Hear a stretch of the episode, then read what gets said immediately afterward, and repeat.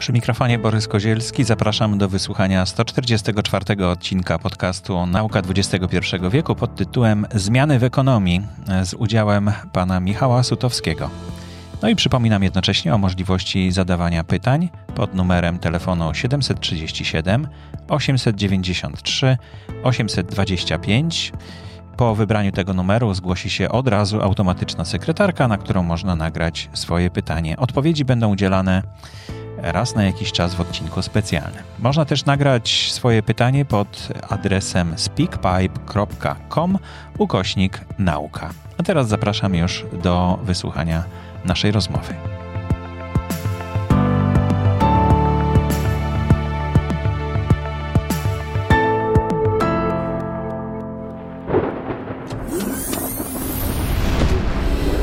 All we need to do is make sure we keep talking.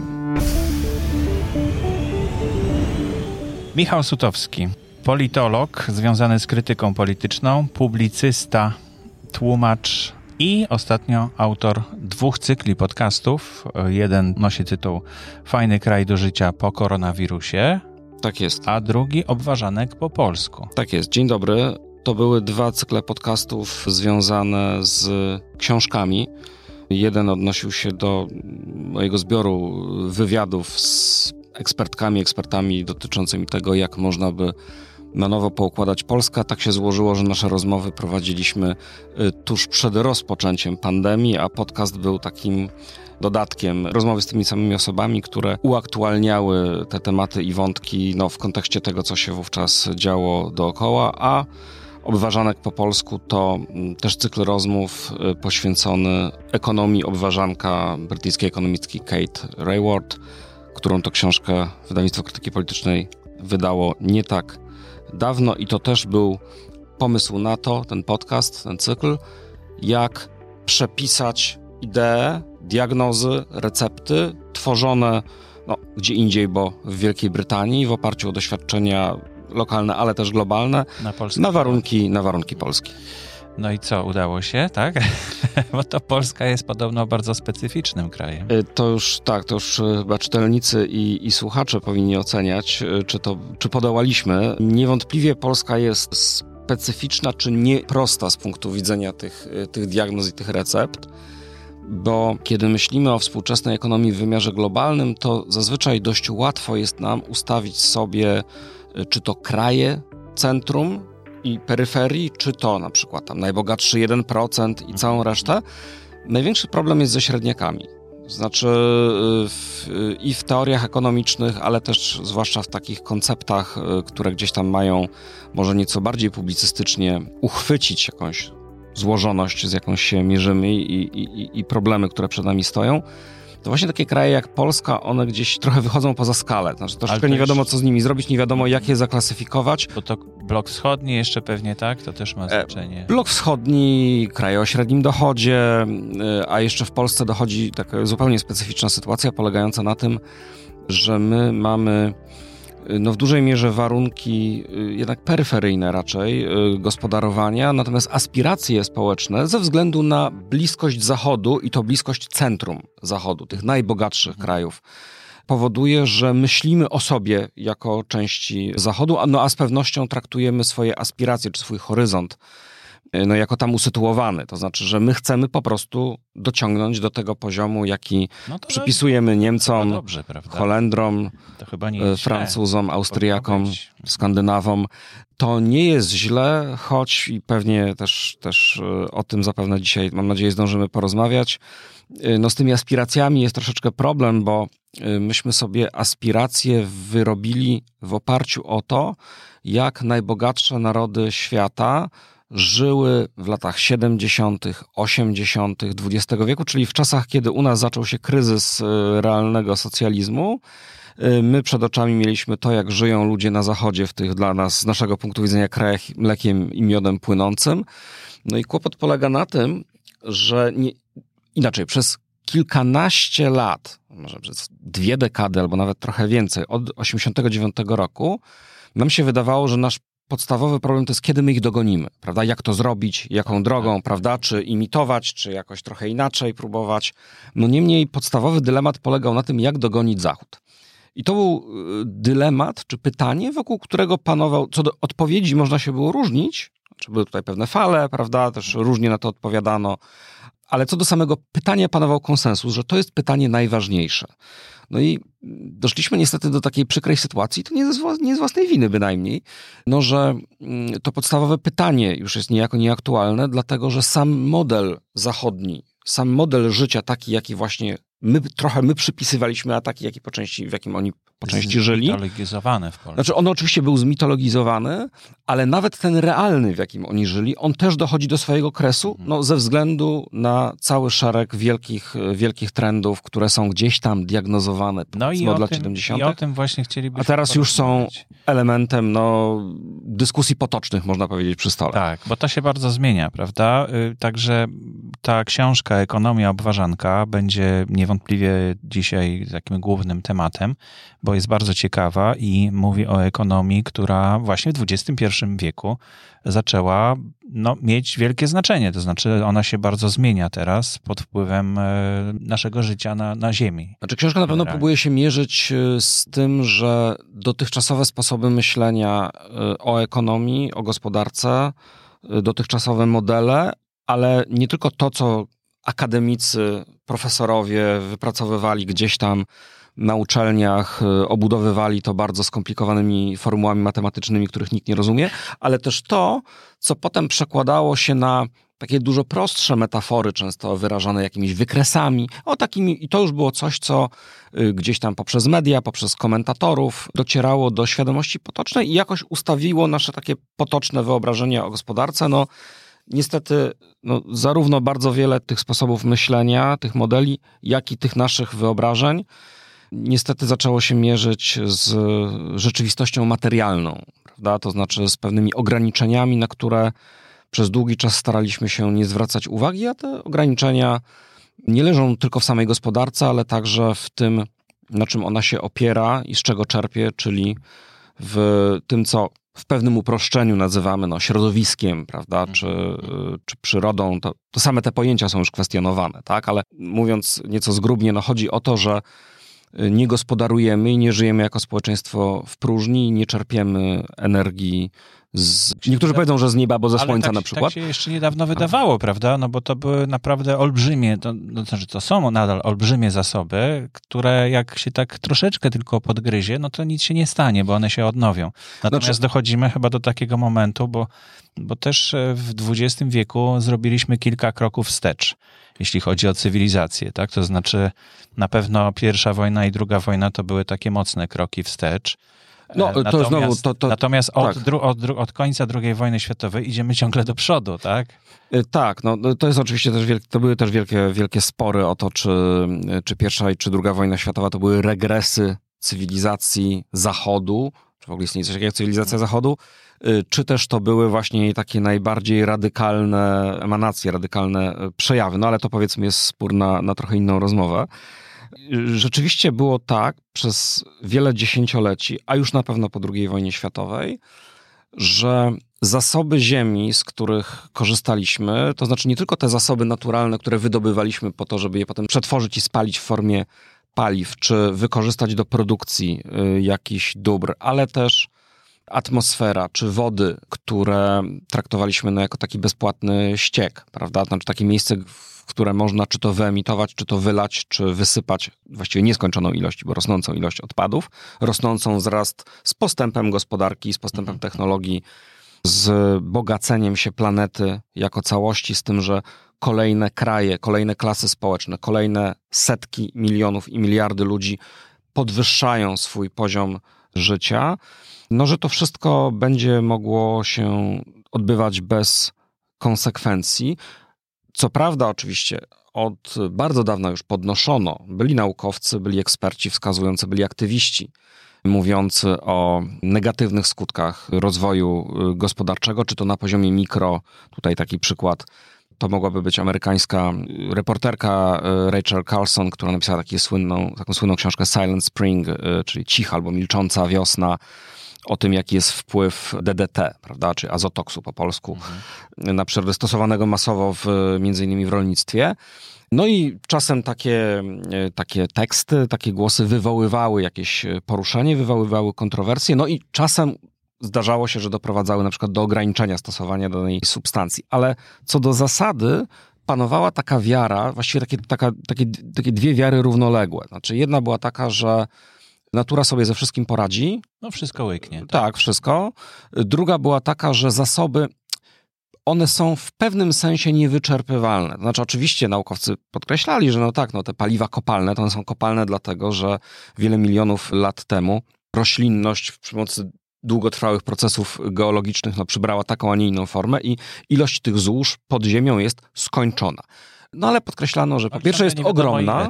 Jest. Tak, naprawdę nie wiadomo ile. No przecież coraz to nowe złoża są odkrywane. Mamy coraz lepsze technologie pozwalające odkrywać coraz wydajniej, a na końcu gdzieś może jakąś asteroidę Sprowadzimy na, Spro, sprowadzimy na Ziemię, albo nawet bezpośrednio z kosmosu będziemy eksploatować, jak no, w, filmie, y, do którego rozumiem była to aluzja, czyli Don't Look Up, bardzo popularnym w ostatnich tygodniach, y, pojawia się właśnie ten wątek. Ale pesymistyczny strasznie ten obraz w tym filmie.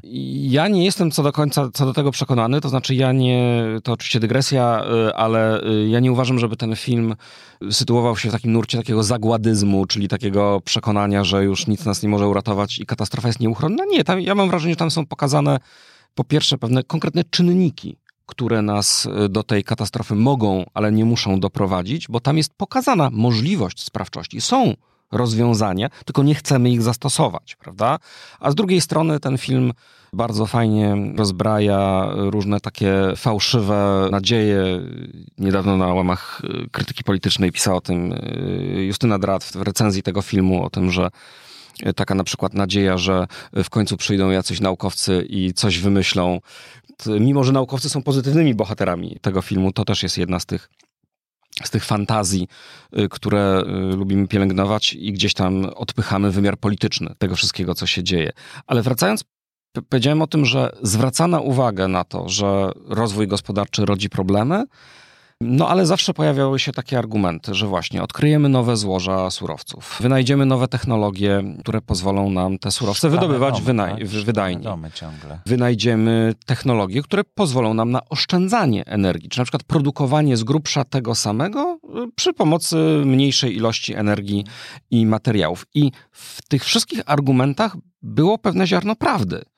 To znaczy, faktycznie, jeśli ktoś posiadał lodówkę wyprodukowaną na przykład w latach 70., a potem ją zamienił na nową, to bardzo szybko odczuje, jak bardzo mu obniżyły się czy jej rachunki y, za prąd. Tak, potrafimy produkować towary i w sposób bardziej energooszczędny i już używać ich też bardziej energooszczędnie, czy. No i też energię potrafimy produkować y, z powietrza, tak, z potrafimy słońca, ją... z atomu. Tak jest, y, a zatem mamy nisko lub bezemisyjne y, źródła energii. One oczywiście nie są pozbawione wad, bo żadne źródło energii nie jest pozbawione. Niemniej wydawałoby się, że tak, że możliwe jest gospodarowanie w zasadzie tak jak dotychczas, tylko przy pomocy lepszych, przyjaźniejszych e, środowisku, oszczędniejszych technologii. No, kłopot polega na tym, że problemy środowiskowe no, nie dotyczą tylko tego, ile węgla spalimy w różnych formach, przez co ile CO2 przedostanie się do atmosfery, przez co do jakiegoś stopnia ociepli się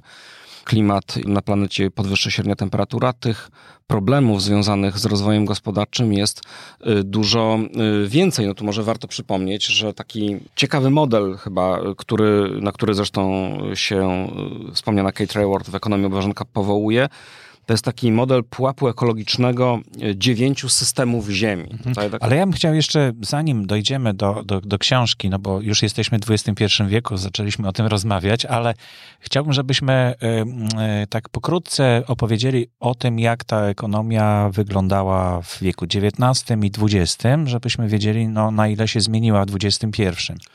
Bo w, zdaje się jeszcze w XIX wieku był taki pomysł, że każda jednostka mm, powinna się bogacić i że to jest jej celem i że jak gdyby jak się jednostki bogacą, no to całe społeczeństwo no, też to jeszcze, to, jeszcze, to, jeszcze wiek, to jeszcze wiek XVIII i pomysł, że ta suma indywidualnych No egoizmów Mhm. producentów, którzy starają się, produkując jak najlepiej, jak najwydajniej, zaoferować swoje towary klientom, no i w związku z czym ich chciwość, ich żądza zysku jest dużo lepszą rękojmią i rozwoju, ale też jakości produktów na poziomie mikro, Mhm. niż y, jakieś na przykład y, regulacje czy, czy ograniczenia wprowadzane przez y, państwo, czy wprowadzane drogą polityczną. Oczywiście nie mamy tu czasu, by opowiadać nawet w największym skrócie historię ekonomii od XVIII wieku do dziś, ale może warto powiedzieć o takich co najmniej dwóch dużych trendach, które są o tyle ciekawe, że mamy do czynienia z czymś w rodzaju zatoczenia koła. To znaczy, że ekonomia wyszła od pewnego sposobu myślenia, zmieniła go pod wpływem pewnych czynników, przede wszystkim pod koniec XIX wieku, a dziś wydaje się, że znowu y, wracamy ze względu na to, że zmieniają się okoliczności. Pierwsza kwestia to jest koncentracja na produkcji czy koncentracja na konsumpcji. Ci ekonomiści z XVIII i XIX wieku, oni przede wszystkim mierzyli się z pytaniem, jak wytwarzać. Jak to się dzieje, że się wytwarza? Jak stworzyć warunki do tego, żeby pojawiały się innowacje i postęp technologiczny, tak abyśmy mogli produkować właśnie więcej, lepiej, wydajniej, zapewniając wyższy poziom życia ludności. To były, krótko mówiąc, te dylematy, jak wyjść no, z tego, co dzisiaj nazywamy y, pułapką maltuzjańską, czyli takiego paradoksu sformułowanego przez jednego z pierwszych pionierów y, nowoczesnej ekonomii, Tomasa Maltusa, no, który wskazywał, że kłopot polega na tym, że w sytuacji, kiedy nie mamy szybkiego wzrostu gospodarczego i na przykład nie możemy uzyskać szybkiego przyrostu produktywności, no to na przykład, kiedy mamy lepsze zbiory, prawda, zbierzemy więcej zboża, możemy wyprodukować więcej żywności, to automatycznie będzie to prowadziło do no, większego namnożenia populacji, które to namnożenie populacji po tym okresie nieco wyższego poziomu życia przy większej produktywności no, doprowadzi z powrotem do przywrócenia niskiego poziomu, bo będzie po prostu nas więcej do podziału i do skonsumowania tego, co zostanie y, wyprodukowane. No i z tego dylematu wydawało się nie ma wyjścia. No, to wyjście się pojawiło, taki jest powiedzmy stereotypowy ogląd, ale w dużej mierze prawdziwy, no wraz z rewolucją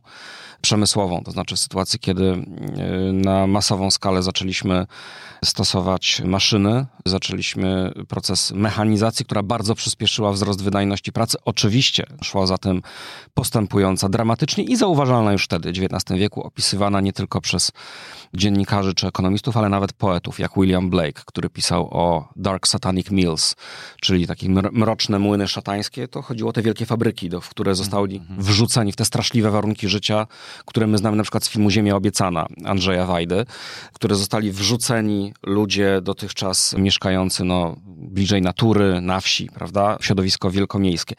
Ale w każdym razie te wszystkie te wszystkie kwestie były przedmiotem rozważania ekonomistów bardzo różnych nurtów w XIX wieku.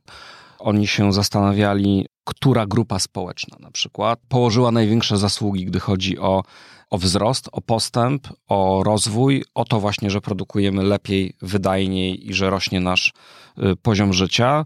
No tutaj pewnie warto wymienić takie dwa y, charakterystyczne y, nazwiska. Jedno to trochę mniej znany David Ricardo, jeden z ojców ekonomii wolnorynkowej, który jako jeden z pierwszych myślał w kategoriach klas społecznych. To znaczy on podkreślał, że są grupy społeczne, które wyróżniają się tym, z czego one czerpią dochody. To znaczy, czy czerpią je z pracy, czy czerpią je z renty gruntowej, tych uważał za pasożytów, co ciekawe, oraz przedsiębiorcy, czyli ci, którzy inwestują przy pomocy kapitału i tworzą przedsiębiorstwa, w ramach których no, pracownicy wytwarzają pewną wartość, ale im więcej tej wartości uda im się przywłaszczyć, to znaczy przedsiębiorcom, y, tym więcej będą w stanie zainwestować. Dlatego David Ricardo uważał, że płace powinny być w miarę możliwości utrzymywane na niskim poziomie, zyski przedsiębiorców jak największe, bo im więcej zaoszczędzą, tym więcej będą mogli zainwestować. Musieli wydać, no bo przecież dwóch obiadów nie zjedzą. Tak, y, co prawda wiemy, że w praktyce to wygląda bardzo różnie. Można też pieniędzy nie wydawać na przykład i oszczędzać.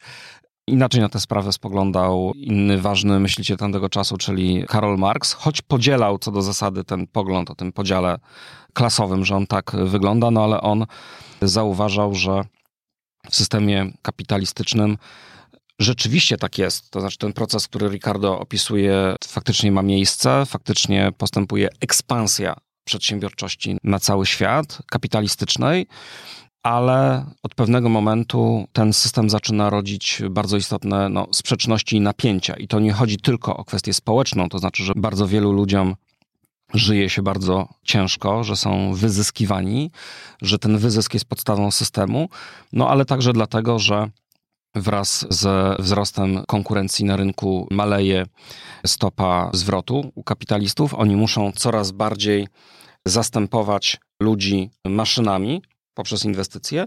No, kłopot polega na tym, że w pewnym momencie stają przed barierą popytu, bo okazuje się, że wprawdzie jest bardzo dużo pracowników, których można by wyzyskiwać jako pracowników, ta tak zwana rezerwowa armia pracy, no ale pojawia się problem konsumpcji, załatwiany co jakiś czas tym, że system szuka sobie jakichś nowych terenów do ekspansji, prawda? co na przykład zachodziło poprzez podboje kolonialne czy imperialne. No krótko mówiąc, XIX wiek to jest taki czas, kiedy ekonomiści patrzą na społeczeństwo raczej z perspektywy dużych grup społecznych, zwłaszcza połowa XIX wieku, i zastanawiają się nad dynamiką tego systemu, w jaki sposób on prowadzi do wzrostu produkcji, do rozwoju, do postępu technologicznego. Marx mówił rozwoju sił wytwórczych.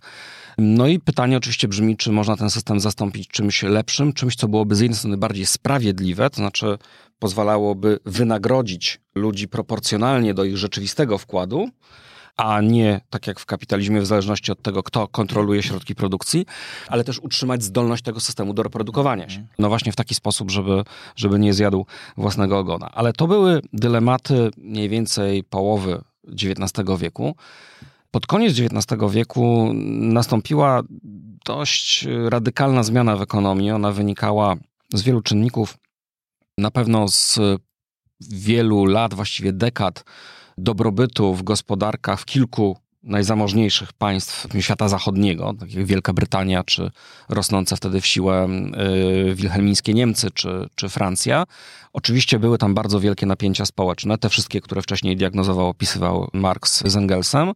No niemniej ta faza dobrobytu, a także bezprecedensowy postęp technologiczny, cały szereg niesamowitych nowych wynalazków, wielki postęp w nauce, w naukach ścisłych, także takich, które pozwalały znowu na rozwijanie technologii produkcji, a także poprawa stanu zdrowia doprowadziły do no, powstania takich pierwszych prawdziwych społeczeństw masowych, w których też pojawiła się masowa konsumpcja. To znaczy w tych najzamożniejszych społeczeństwach to już po kilkanaście, no niektórzy powiedzą może nawet kilkadziesiąt procent ludzi to byli tacy, którzy mogli ze swoich dochodów odłożyć jakieś nadwyżki, to znaczy zarabiali więcej niż tyle, ile było potrzebne do przeżycia. Mhm. Tak, prawda? To znaczy nie mówię o samej elicie, no ale że zaczęły się pojawiać jakieś takie zalążki czegoś, co nazwalibyśmy klasą średnią, prawda? Albo pojawiły się frakcje klas robotniczych, które miały, nie wiem, czas wolny na przykład i miały jeszcze jakieś pieniądze, żeby je w tym czasie wolnym wydać.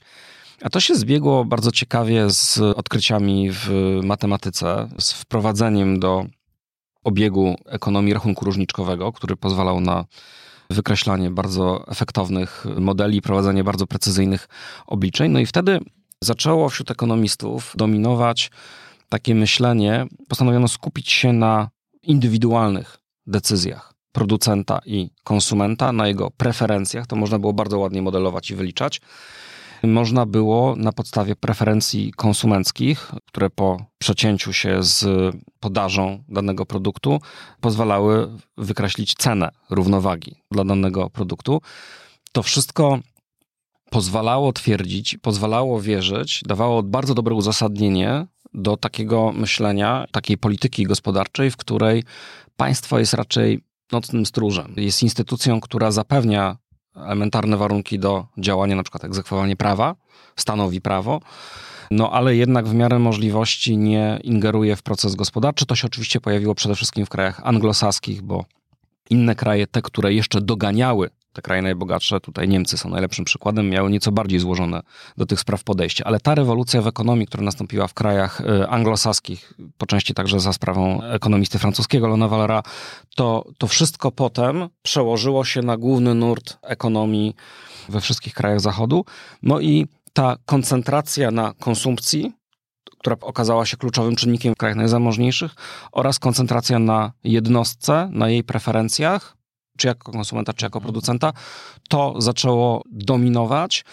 To był sposób myślenia, który był szczególnie rozpowszechniony w okresie Belle Époque, ale także potem po I wojnie światowej, w pierwszych latach do, co bardzo ważne, wielkiego kryzysu 29 roku, kiedy się okazało, no, że ten rynek pozostawiony sam sobie, jako taka wolna gra producentów i konsumentów, on może i, tak jak mówili teoretycy, zmierza do równowagi, tylko że ta równowaga niestety może występować przy głęboko niepełnym zatrudnieniu. Krótko mówiąc, możemy mieć rynek w równowadze i 20-30% bezrobotnych.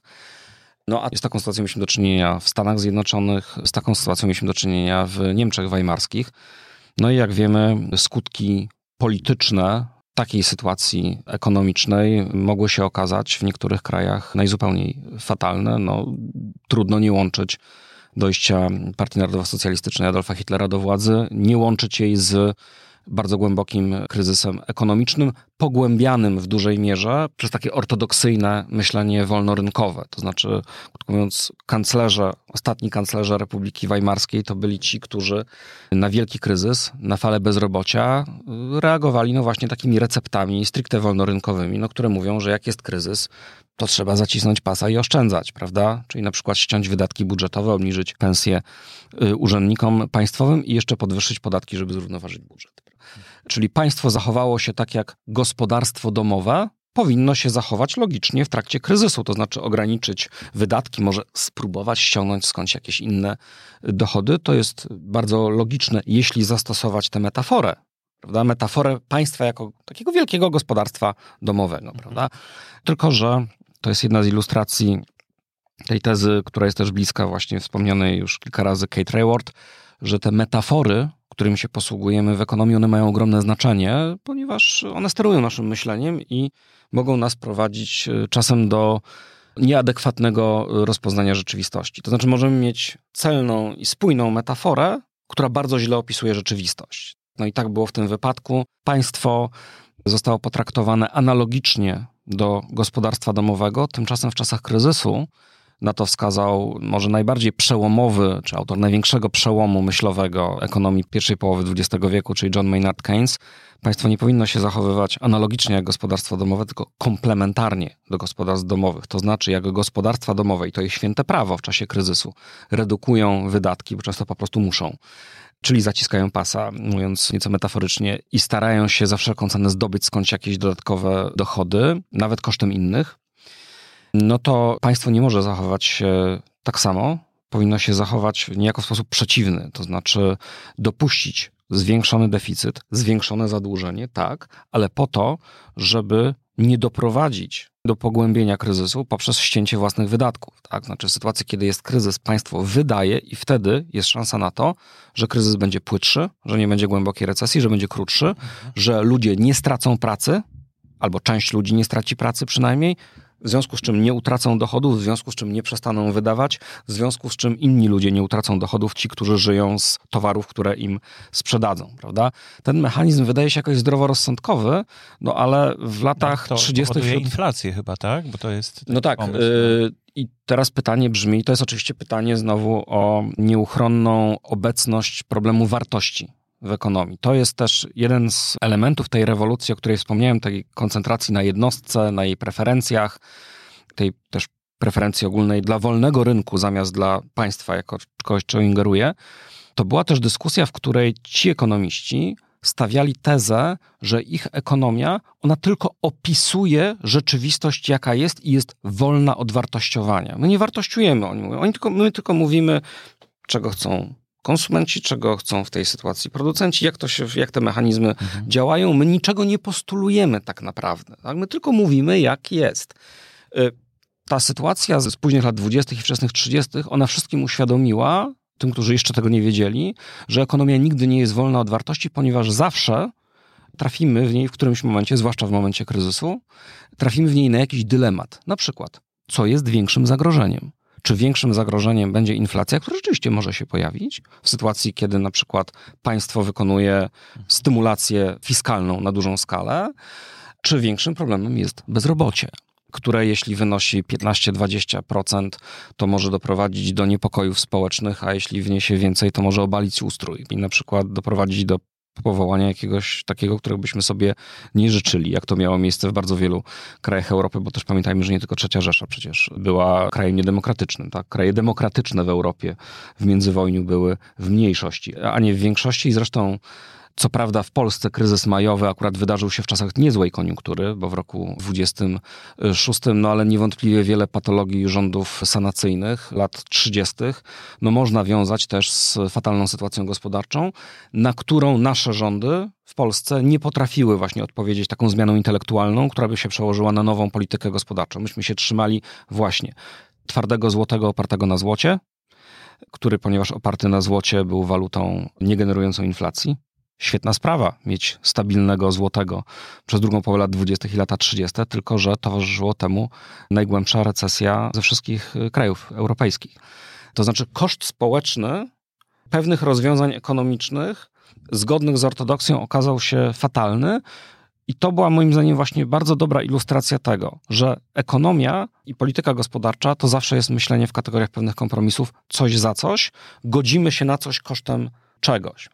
Nie jest tak, że rynek jest jakąś taką samoregulującą się przestrzenią, gdzie no, zyski, straty, korzyści, to jak kto na jakim poziomie żyje, jest wynikiem no, jakichś abstrakcyjnych, bezstronnych, w domyśle przez to sprawiedliwych jakoś reguł. Czyli zaczęło się wyznaczanie jakichś celów, za, za, zaczęło się wyznaczanie wartości, do jakich dążymy, no bo przecież produkt krajowy brutto to jest chyba ciągle jeszcze taki jakiś wskaźnik. No właśnie, PKB to jest bardzo ciekawy przykład wskaźnika, który powstał jako no właśnie wskaźnik, to znaczy jako to pewne pomocnicze narzędzie, tak, służące do miał tego... Miał opisywać rzeczywistość. Miał opisywać, miał pomagać politykom, czy decydentom polityki gospodarczej, bo to jest wskaźnik makroekonomiczny, a nie mikro, podejmować różne decyzje, bo miał pomóc zrozumieć, jaka jest rzeczywiście sytuacja gospodarcza. Krótko mówiąc, chodziło o to, jak mierzyć w którym momencie cyklu koniunkturalnego my jesteśmy. To znaczy, na przykład, jak głęboka jest recesja. O ile gorzej jest na przykład, albo lepiej niż było w roku poprzednim, wcześniej posiłkowano się różnymi mniej doskonałymi miarami, no takimi, które były dostępne statystycznie, prawda? Czyli na przykład wiem, poziom bezrobocia, tak?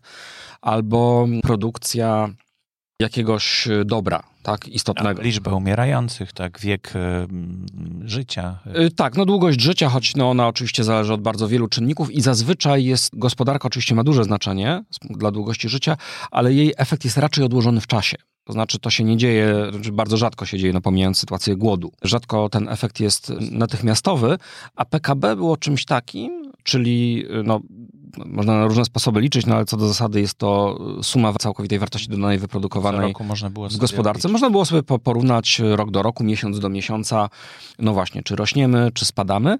I to był właśnie wskaźnik pomocniczy. Natomiast celem, któremu miał służyć, miał pomóc polityce sprzyjającej pełnemu zatrudnieniu. Znaczy, krótko mówiąc, oczywiście, żeby gospodarka się rozwijała, żebyśmy mieli coraz nowocześniejsze technologie, ale co do zasady, taką wartością, z której zaczęto rozliczać polityków, a także sami politycy i elity społeczne zorientowały się, że to jest kwestia ważna dla ludzi, dużo ważniejsza niż wskaźniki, może bardziej lubiane przez ekonomistów, ale też bardziej abstrakcyjne. Mianowicie to jest kwestia pełnego zatrudnienia. To znaczy to, żeby ludzie mieli pracę, żeby ludzie mieli za co żyć, prawda, żeby mieli zajęcie. No plus do tego jeszcze doszło oczywiście sytuacja wojenna, to znaczy taka, w której właściwie wszystkie państwa zaangażowane w konflikt, no niezależnie od tego, jakie poglądy na gospodarkę mieli ich aktualni decydenci, no tak naprawdę przeszli na jakąś formę gospodarki sterowanej. Oczywiście to nie znaczy, że Wielka Brytania czy Stany Zjednoczone wprowadziły socjalizm w czasie II wojny światowej, byłoby to zdecydowanym nadużyciem, no ale niemniej poziom, po pierwsze, kontroli gospodarki, to znaczy w ogóle weryfikowania tego, co się w niej dzieje, reglamentacja różnych dóbr, na przykład reglamentacja żywności, która miała miejsce w Wielkiej Brytanii, zresztą bardzo skuteczna, to taki ciekawy paradoks. Okazało się, że kiedy wprowadzono żywność na kartki, no bo nie było innego wyjścia ze względu na trudności w zaopatrzeniu związane z wojną z Niemcami, okazało się, że kiedy zaczęto tę żywność racjonować według takich elementarnych norm też zdrowotnych, pozwalających utrzymać się w relatywnie dobrym zdrowiu, to okazało się, że najniższe warstwy społeczne zaczęły, kolokwialnie mówiąc, jeść lepiej niż jadły przed wojną. Reglamentacja oczywiście dla elit społecznych była dość uciążliwa, no niemniej okazało się, że z punktu widzenia tych najuboższych to ona im tak naprawdę podnosi poziom życia. No ale to, to jest oczywiście anegdotyczny przykład, ale istotny o tyle, że on fundamentalne wydarzenie historyczne, jak okres przedwojenny i sama wojna, doprowadziły do fundamentalnej zmiany myślenia o gospodarce, bo okazało się, że po pierwsze, tak, gospodarką trzeba zarządzać jakoś nią sterować po to, żeby ten w cudzysłowie spontaniczny mechanizm rynkowy nie wyrodził się w coś tak patologicznego jak gospodarka z 20 czy 30% bezrobociem, które się utrzymuje i wcale nie wraca do poziomu dużo niższego, choć y, niektórzy wolnorynkowi teoretycy no, tak, tak wieszczyli. Ubywa społeczeństwa, tak? Bo ludzie umierają wtedy częściej, chorują i tak dalej. To... Oczywiście, znaczy, ale podstawowy, myślę, argument, powiedziałbym, był raczej polityczny. To znaczy, pamiętajmy, że to mieliśmy już do czynienia z y, jednak demokracjami masowymi. To znaczy, były to demokracje pod wieloma względami niedoskonałe, no ale jednak w większości krajów zachodnich, z pewnymi wyjątkami,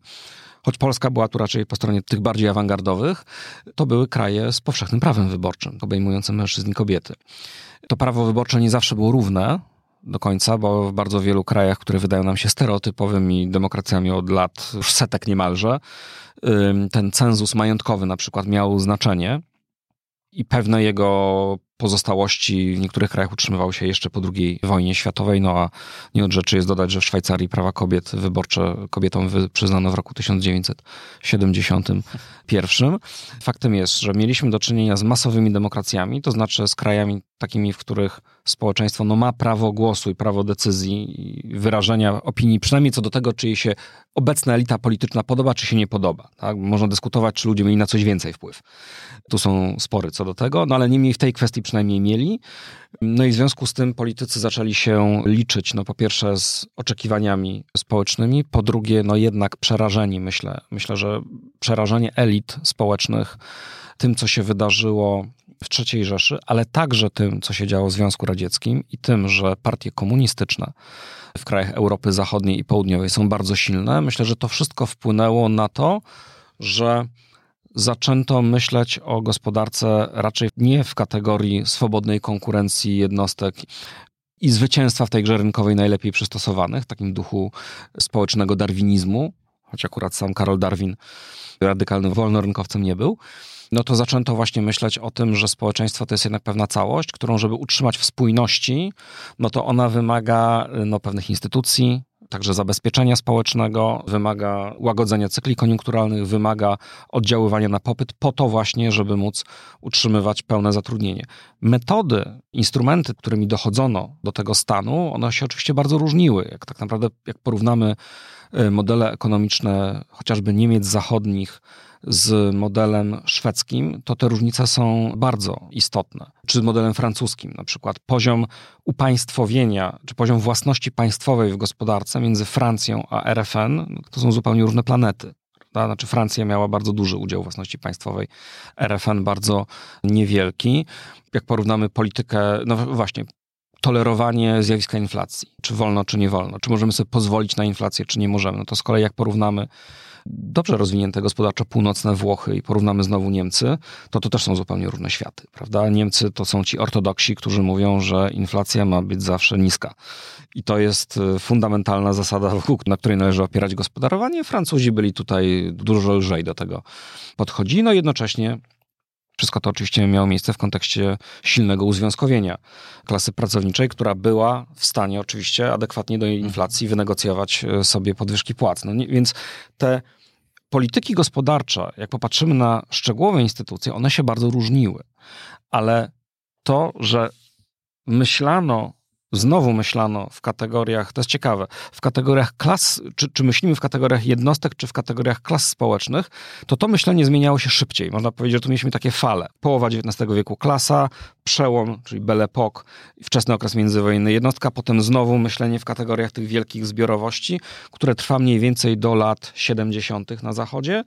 No a potem znowu także na fali nie tylko przemian gospodarki, czy przejścia do gospodarki bardziej opartej na usługach niż na wielkim przemyśle, ale także na fali no, rewolucji obyczajowej, prawda, roku 68, ta indywidualizacja gdzieś tam, ona postępuje w całym społeczeństwie i również to jest jeden z wątków zmian w ekonomii. No znowu, tych zmian, które prowadzą do uzasadnienia po raz kolejny mniejszej interwencji państwa, demontażu tych instytucji, y, z którymi mieliśmy do czynienia przez to, jak mówili Francuzi, chwalebne y, trzydziestolecie, tak? czyli ten okres powojennej odbudowy, który był prawdopodobnie, można chyba zaryzykować tezę w historii świata nowoczesnego, czasem najszybciej rosnącego, najbardziej powszechnego dobrobytu w krajach kapitalistycznych.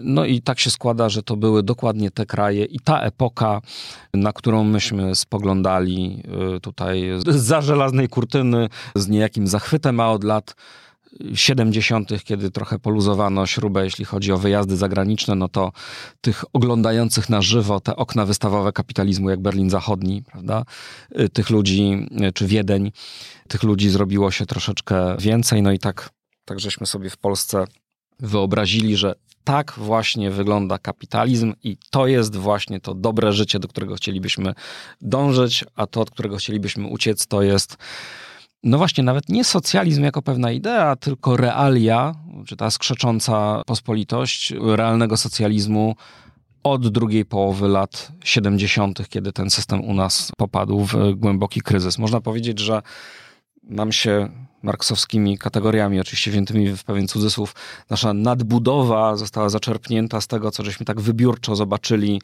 przez te kraty, czy wyjechawszy na chwilę i, i właśnie oglądając wystawy sklepowe, ale też pracując na czarno na zachodnio-niemieckich budowach, czy zbierając szwedzkie jagody bodajże, za sprawą wyjątkowo korzystnego dla pracujących za granicą Polek i Polaków kursu walutowego, nawet ci, którzy realnie doświadczyli ciężkiej pracy na tym zachodzie, no to oni jednak przywożąc te dewizy do Polski, mogąc je wymienić, również mieli nie do końca adekwatne wyobrażenie o kapitalizmie, a już na pewno mieli je ci, którzy widzieli tych no, przyjeżdżających ciągle, z markami. Ciągle jednak bardziej się opłaca pracować na Zachodzie, a mieszkać w Polsce. To oczywiście dygresja, ale powiedzmy jednak, y, ta różnica Dużo kursowa jest nieporównywalna. To znaczy, no tak. tu, nawet nie chodzi, tu nawet nie chodzi o realne poziomy życia. Bo znowu, jak weźmiemy kursy nominalne złotego do dolara w latach 80., to z nich nam wyjdzie, że Amerykanie byli 40 razy bogatsi od Polaków. No nie, to nieprawda. To znaczy przeciętny Amerykanin nie żył na 40 razy wyższym poziomie od przeciętnego Polaka. Nawet w tym gnijącym PRL-u to wynikało z różnicy kursowej. No ale jak ktoś pracował na zachodzie no, tak. i przyjeżdżał, to czarnorynkowy kurs zaczynał mieć ogromne znaczenie. Nagle ta różnica, która nie była realną różnicą potencjału gospodarczego, ona aż tak wielka nie była.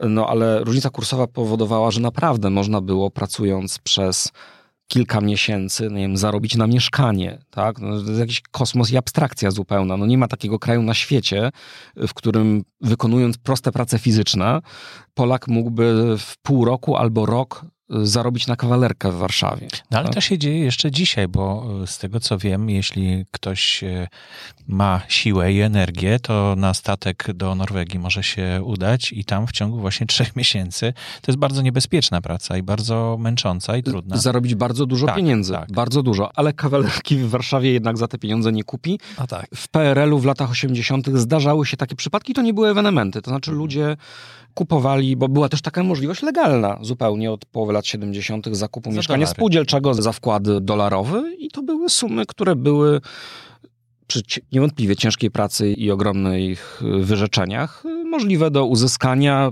przy pracy. No tak, ale to, to, to troszkę rzeczywiście dygresja. Ja bym chciał wrócić do tego głównego nurtu, bo... Ale przepraszam, ja tu będę bronił tej dygresji o tyle, że ona pokazuje, że nasze wyobrażenia o tym, jak wygląda kapitalizm w jego głównym nurcie, zostały ukształtowane przez bardzo nietypowe doświadczenie. I to doświadczenie, moim zdaniem, do dzisiaj, i ten obraz kapitalizmu, i to wyobrażenie, i to założenie, że tam jest wymyślony model, gotowy, sprawdzony model docelowy, do którego musimy lepiej. się tylko zaadaptować. I ja się zgadzam, i, i je, bo jest, ja się zgadzam, ale że tam jest gotowy, że tam jest gotowy, sprawdzony model, do którego musimy się tylko zaadaptować, to doświadczenie moim zdaniem pokutuje do dziś, a to założenie jest już, o ile wtedy było pewną, oparte na pewnej fantazji, pewnym wybiórczym postrzeganiu, o tyle ono jest dziś zupełnie nieaktualne, ponieważ ten zachodni model, on tak naprawdę przestawał być aktualny, jak my do niego w, dołączaliśmy w roku 89, bo demontaż państw opiekuńczych no, zaczął się już wcześniej, w latach 80. w Wielkiej Brytanii na przykład, czy w Stanach Zjednoczonych, a nam się bardzo podobało to połączenie tego bogactwa kapitalistycznego z tym państwem opiekuńczym. No a teraz już dochodzi jeszcze inny czynnik, bo wtedy można powiedzieć ideologia neoliberalna, prawda, y, nakazująca y, demontaż socjalu, no ale teraz doszły dużo głębsze problemy, to znaczy problemy polegające na tym, że to już nie chodzi tylko o to, czy my sprawiedliwie dzielimy owoce wzrostu, bo trochę to były takie dylematy związane z ekonomią neoliberalną, tak? Tu problem pojawia się głębszy i poważniejszy. On jest związany z właśnie granicami możliwości naszej planety. To znaczy nie tylko, czy my sprawiedliwie dzielimy owoce wzrostu. Pytanie jest, czy my możemy rosnąć i czy możemy gospodarować i produkować w taki sposób, jak dotychczas. No i w XXI wieku pojawiły się już takie właśnie bardzo silne sygnały, że, że nie możemy, że to jest, że to ma swoje granice, tak? I odpowiedzią jest właśnie chyba zmiana w myśleniu ekonomicznym i też myśleniu o takich dwóch granicach, a nie tylko jednej, prawda? Nie, nie tej granicy ubóstwa człowieka, że poniżej tej granicy nie jest w stanie przeżyć, tylko też tej granicy, której eksploatację może wytrzymać e, glob, tak? Czyli ziemia, czy, czy odnawialne tak. E, odnawianie się tej, tej naszej natury. Rzeczywiście, Kate Raworth, ekonomistka brytyjska, nie tyle tworzy jakąś nową teorię ekonomiczną, ile podsumowuje czy dokonuje syntezy kilkudziesięciu tak naprawdę diagnoz, mniej lub bardziej cząstkowych, różnych teorii dotyczących tego, jak funkcjonuje i jak mogłaby funkcjonować gospodarka, ale przede wszystkim poddaje krytycznej analizie i reinterpretacji pewne metafory, które są pochodną tych modeli ekonomicznych i które jej zdaniem no, nie pozwalają nam po pierwsze opisać świata takiego, jakim jest, no a po drugie tym bardziej nie pozwalają nam stawić czoła tym wyzwaniom i tym problemom, z którymi się mierzymy. Bo I... jeszcze, jeszcze o jednej rzeczy warto wspomnieć, że w XX wieku był wymyślony wskaźnik, E, do którego, e, które wydawało się, że, że ma opisywać rzeczywistość. Nie mówię o produkcie krajowym mhm. brutto, tylko jakiś inny, już nie pamiętam w tej chwili, jaki to był. Natomiast e, ekonomiści zaczęli dążyć do tego, żeby ten, jak gdyby osiągnąć ten wskaźnik, zamiast, zamiast tylko go opisywać, tak? Znaczy, wydaje mi się, że PKB akurat świetnie pasuje do tego opisu, to znaczy coś, co miało być pomocniczym narzędziem rozpoznawania sytuacji, w której jesteśmy, aby móc czy to na przykład, no nie wiem, zlecić więcej prac interwencyjnych albo obniżyć rynkową stopę procentową. No krótko mówiąc, zrobić coś, co spowoduje, że gospodarka się rozkręci, albo przeciwnie, może na przykład trzeba trochę podwyższyć podatki, trzeba ją troszeczkę schłodzić. Do tego to miało służyć. Może też do porównywania, bo oczywiście pamiętajmy, to jest też czas wyścigu mocarstw, prawda? Się zaczyna i także konkurencji ideologicznej. Znaczy chodziło o to, że różne modele gospodarcze w uproszczeniu kapitalizm i komunizm, czy socjalizm, no, aspirowały do pierwszeństwa i do bycia tą lepszą receptą na, na rozwój. U nas jest lepiej, a przede wszystkim, i może to nawet było ważniejsze, my jesteśmy lepszą receptą dla reszty. Dla całego tego świata, który nazywa się w pewnym uproszczeniu trzecim światem, prawda? Czy to, to były państwa niezaangażowane, znaczy był cały szereg krajów i społeczeństw, o których e, dusze i poparcie polityczne rywalizowały dwa bloki. No i rozwój gospodarczy, wzrost gospodarczy to były bardzo poważne argumenty w tym sporze. No ale pojawiły się nowe wskaźniki, tak? To znaczy wskaźnik szczęśliwości na przykład. I y- niektóre państwa w XXI wieku zaczęły jego używać, a nie produktu krajowego brutto jako, jako jakiegoś celu, tak? Wyznacznika. Y, tak, choć... Że ludzie mają być szczęśliwi tak naprawdę, a nie, że mają mieć dużo pieniędzy. Y, tak, przy czym ja w ogóle mam problem z fetyszyzacją każdego jednego e, wskaźnika, także dlatego, że przy tak abstrakcyjnych pojęciach jak szczęście ludzie naprawdę rozumieją bardzo różne rzeczy, kiedy są, są o nie pytani, w związku z czym miarodajność tych badań budzi wątpliwości, ale niewątpliwie e, badanie takich kwestii jak, no nie wiem, na przykład indywidualne poczucie, nie wiem, zadowolenia z życia, tak? One moim zdaniem są e, także dlatego bardzo przydatne, że pozwalają weryfikować, czy sprawdzać, czy faktycznie jest tak, że jesteśmy tym szczęśliwsi, im wyższe jest PKB. I tutaj dochodzą, tutaj bardzo ciekawe rzeczy wychodziły z badań między innymi Kate Pickett i Richarda Wilkinsona z takiej książki Duch Równości. Oni tam pomierzyli cały szereg zjawisk społecznych, pozytywnych i negatywnych od poziomu otyłości u dzieci i ciąż nastoletnich, no po właśnie e, czynniki. tysiąc Tak, ale z jednej strony tak. bardzo, bardzo, te bardzo negatywne, z drugiej strony właśnie poczucie zadowolenia z życia, ale też jaki procent dzieci kończy pełny cykl edukacji, prawda? No i okazało się, że to jest tak, że jest pewien związek między wzrostem PKB a, a pozytywnymi czynnikami. On jest PKB, linearny do pewnego, czy prawie linearny do pewnego poziomu. Znaczy, krótko mówiąc, w dzisiejszych warunkach cywilizacyjnych państwo musi dojść do pewnego poziomu PKB, żeby te wskaźniki społeczne doszły, w tym wskaźniki zadowolenia doszły do powiedzmy optymalnego czy jakiegoś zadowalającego poziomu, ale od pewnego momentu one przestają rosnąć, a nawet spadają. To znaczy okazuje się, rośnie że PKB, rośnie nie PKB, a te wskaźniki już nie rosną, a nawet i tutaj kolejną zmienną bardzo ważną okazują się nierówności społeczne. No tutaj pojawia się znowu korelacja dość, dość wyraźna, to znaczy im te nierówności są większe, tym trudniej jest poprawiać te wskaźniki społeczne, a od pewnego momentu, kiedy rośnie PKB i rosną nierówności, to one zaczynają się po prostu pogarszać. To znaczy, kiedy mamy bardziej nierówne społeczeństwo, to nawet jeśli nominalnie ludziom nawet na samym dole się poprawia. Tak? Znaczy, jeśli możemy wykazać, że również ludzie zarabiający najmniej, choć poprawia im się wolniej, to jednakowoż się poprawia. Mimo wszystko przekłada się to na niekoniecznie no właśnie lepsze wskaźniki zadowolenia społecznego, ale też te, te wszystkie zjawiska, o, o, o których, których, których sobie, sobie nie życzymy. Podstawowy argument jest taki, że społeczeństwa nierówne, czy dwa takie argumenty. Jeden to jest taki, że społeczeństwa, jeśli są bardziej nierówne, to wywołują presję konkurencyjną, co jest źródłem bardzo poważnego, nie tylko stresu takiego subiektywnie odczuwanego, no ale też na przykład tego, że ludzie podejmują nadmierne zobowiązania zawodowe, zbyt wiele czasu poświęcają na pracę i zarabianie pieniędzy, dużo mniej na budowę więzi czy pielęgnowanie no nie wiem, relacji rodzinnych.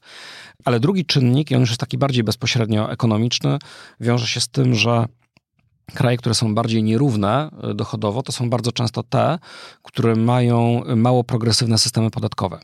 A jeśli jest mało progresywny system podatkowy, to bardzo często jest tak, że budżet państwa y, nie ma środków na to, nie ma wystarczających środków na to, żeby zapewnić elementarny poziom usług publicznych na dobrym poziomie, takich jak powszechna oświata, czy powszechna ochrona zdrowia, czy transport publiczny, a do tego jeszcze to, to zjawisko się pogłębia, czy to jest taka trochę samospełniająca się przepowiednia, bo jak mamy połączenie konkurencyjnego społeczeństwa, w którym silnie jednostki ze sobą konkurują, a aspiracje dotyczą przede wszystkim statusu ekonomicznego, w którym nierówności rosną i w którym usługi publiczne zaczynają być niezadowalające z punktu widzenia na przykład klasy średniej, to bardzo często pojawia się w sferze publicznej ten argument, żeby w cholerę ten cały system publiczny w ogóle zlikwidować, ponieważ on jest niezadowalający dla nikogo i ci z klasy średniej nie chcą, żeby ich podatki były przeznaczane Na na finansowanie czegoś, z czego oni nie korzystają, a do tego jeszcze dochodzi jeden element. Jeśli te nierówności są naprawdę duże, to bardzo jest często tak, że zaczynają no, y, rosnąć bariery wewnątrzspołeczne. Znaczy, krótko mówiąc, zaczynamy się gettoizować i klasy średnie na przykład zamykają się na grodzonych osiedlach i już naprawdę nie chcą mieć nic wspólnego z tymi wszystkimi, którzy są poza tamtym murem. Na to na przykład nie chcą y, płacić na szkoły dla ich dzieci, czy dla lekarzy, z których tamci korzystają. No krótko mówiąc, wiemy, że te mechanizmy, poziom wzrostu, poziom nierówności i cała masa wskaźników, które opisują nasz rzeczywisty dobrostan. Tutaj te zależności nie mają charakteru linearnego, na pewno nie ma charakteru prostego linearnego. Im więcej tego, tym więcej tego czegoś drugiego.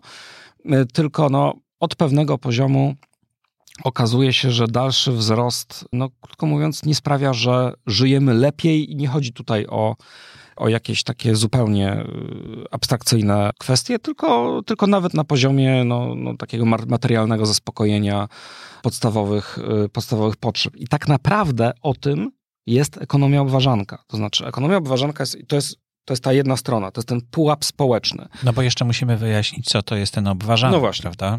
Kluczowa metafora, bo jak powiedziałem, Kate Raworth mówi, metafory są bardzo ważne, bo to mało kto z nas rozumie skomplikowane modele matematyczne, ale w ogóle jest świadomy ich istnienia w ekonomii. Natomiast bardzo wielu z nas kojarzy na przykład taką krzywą PKB, która polega na tym, że jest taka linia, która się tak oddala od tej osi poziomej i ona tak szybuje pod niebo i właściwie powinna rosnąć chyba w nieskończoność, prawda? Przy wzroście PKB na jakimś stałym poziomie, prawda? Bo to jest wzrost, wtedy Mhm. się robi wykładniczy. No i Kate Raworth mówi, potrzebujemy innej metafory niż y, nieskończony wzrost. Potrzebujemy metafory, która uwzględnia po pierwsze dużo szerszy katalog potrzeb ludzkich i społecznych, a po drugie warunki możliwości, w jakich możemy te potrzeby zaspokoić, a te warunki możliwości wyznacza nam planeta, czy wyznacza nam miejsce, w którym żyjemy. I teraz to jest charakterystyczne, zresztą co pan powiedział, y, że ten pułap społeczny, on dotyczy tego poziomu przeżycia. To jest coś więcej. To znaczy o tym myślano Myślę, że po II wojnie światowej, kiedy zakładano ONZ na przykład, prawda? Wtedy pojawiły się te wskaźniki, ilu ludzi głoduje na świecie, prawda? Ilu ludzi nie ma dostępu e, do, do wody pitnej i to wszystko dalej, te potrzeby dalej nie zostały w 100% zaspokojone, ale ten katalog który w taki najciekawszy chyba sposób sformułowano w ONZ w ramach tak zwanych celów zrównoważonego rozwoju, jest 12 w 2015 roku. No to są takie kwestie jak dostępność właśnie zdrowej żywności, ale też opieki zdrowotnej, możliwość zyskiwania wykształcenia, dostępne mieszkalnictwo, także równość płci, także możliwość artykulacji głosu politycznego i tym podobne. To jest 12 sfer, które są jakby pochodną tego, jak rozumiemy dzisiaj prawa człowieka. Znaczy, co się człowiekowi, każdemu na Ziemi powinno należeć na gruncie tego, co nasza cywilizacja, co, co ludzkość wypracowała do tego czasu jako właśnie taki elementarny poziom przyzwoitości, prawda? Ale to jest jeden pułap, to jest ten pułap dolny i tutaj oczywiście musimy się zastanowić... Wewnętrzne granice Tak, tego obważania, jak to zrobić, jak zrobić, żeby wyprodukować dobra i usługi i rozdzielić je w taki sposób, aby wszyscy na Ziemi mieli dostęp do tych dóbr w stopniu zadowalającym. No, to ale jest jeszcze... jest utopią wielką, prawda? No, Bo te znaczy pewnym są horyzontem, tak, no, który, który musi istnieć, żebyśmy no, w ogóle wiedzieli, w którą stronę chcemy dążyć, Mhm. prawda? I żebyśmy wiedzieli, jak jesteśmy daleko od niego, ale na pewno nie jest to stan zrealizowany, no ale jest jeszcze, no właśnie, ten element drugi. To są właśnie granice możliwości planety. Oczywiście różni ekolodzy czy klimatolodzy różnie definiują to, ile planeta wytrzyma, prawda? Są to różne statystyki. Gdyby cały świat żył tak jak Duńczycy, znaczy konsumował e, tak jak Duńczycy, to potrzebowalibyśmy już nie pamiętam w tym momencie czy trzech czy pięciu planet e, Ziemię, prawda? Ale chodzi o to, że, że no nie jest możliwe, znowu, to tak jak powiedziałem o tym, że ten model, e, w którym myśmy się zapatrzyli, że on nie jest osiągalny, no tak, w Danii też żeśmy się zapatrzyli, no to, to też był taki, Dania była jednym z takich stereotypowych krajów mlekiem i miodem płynących, prawda, dla ludzi, No, dla ludzi są w właśnie PRL. wysokie te wskaźniki dobrobytu, tak? Ży- Tak, one są, one są jedne z najwyższych na świecie.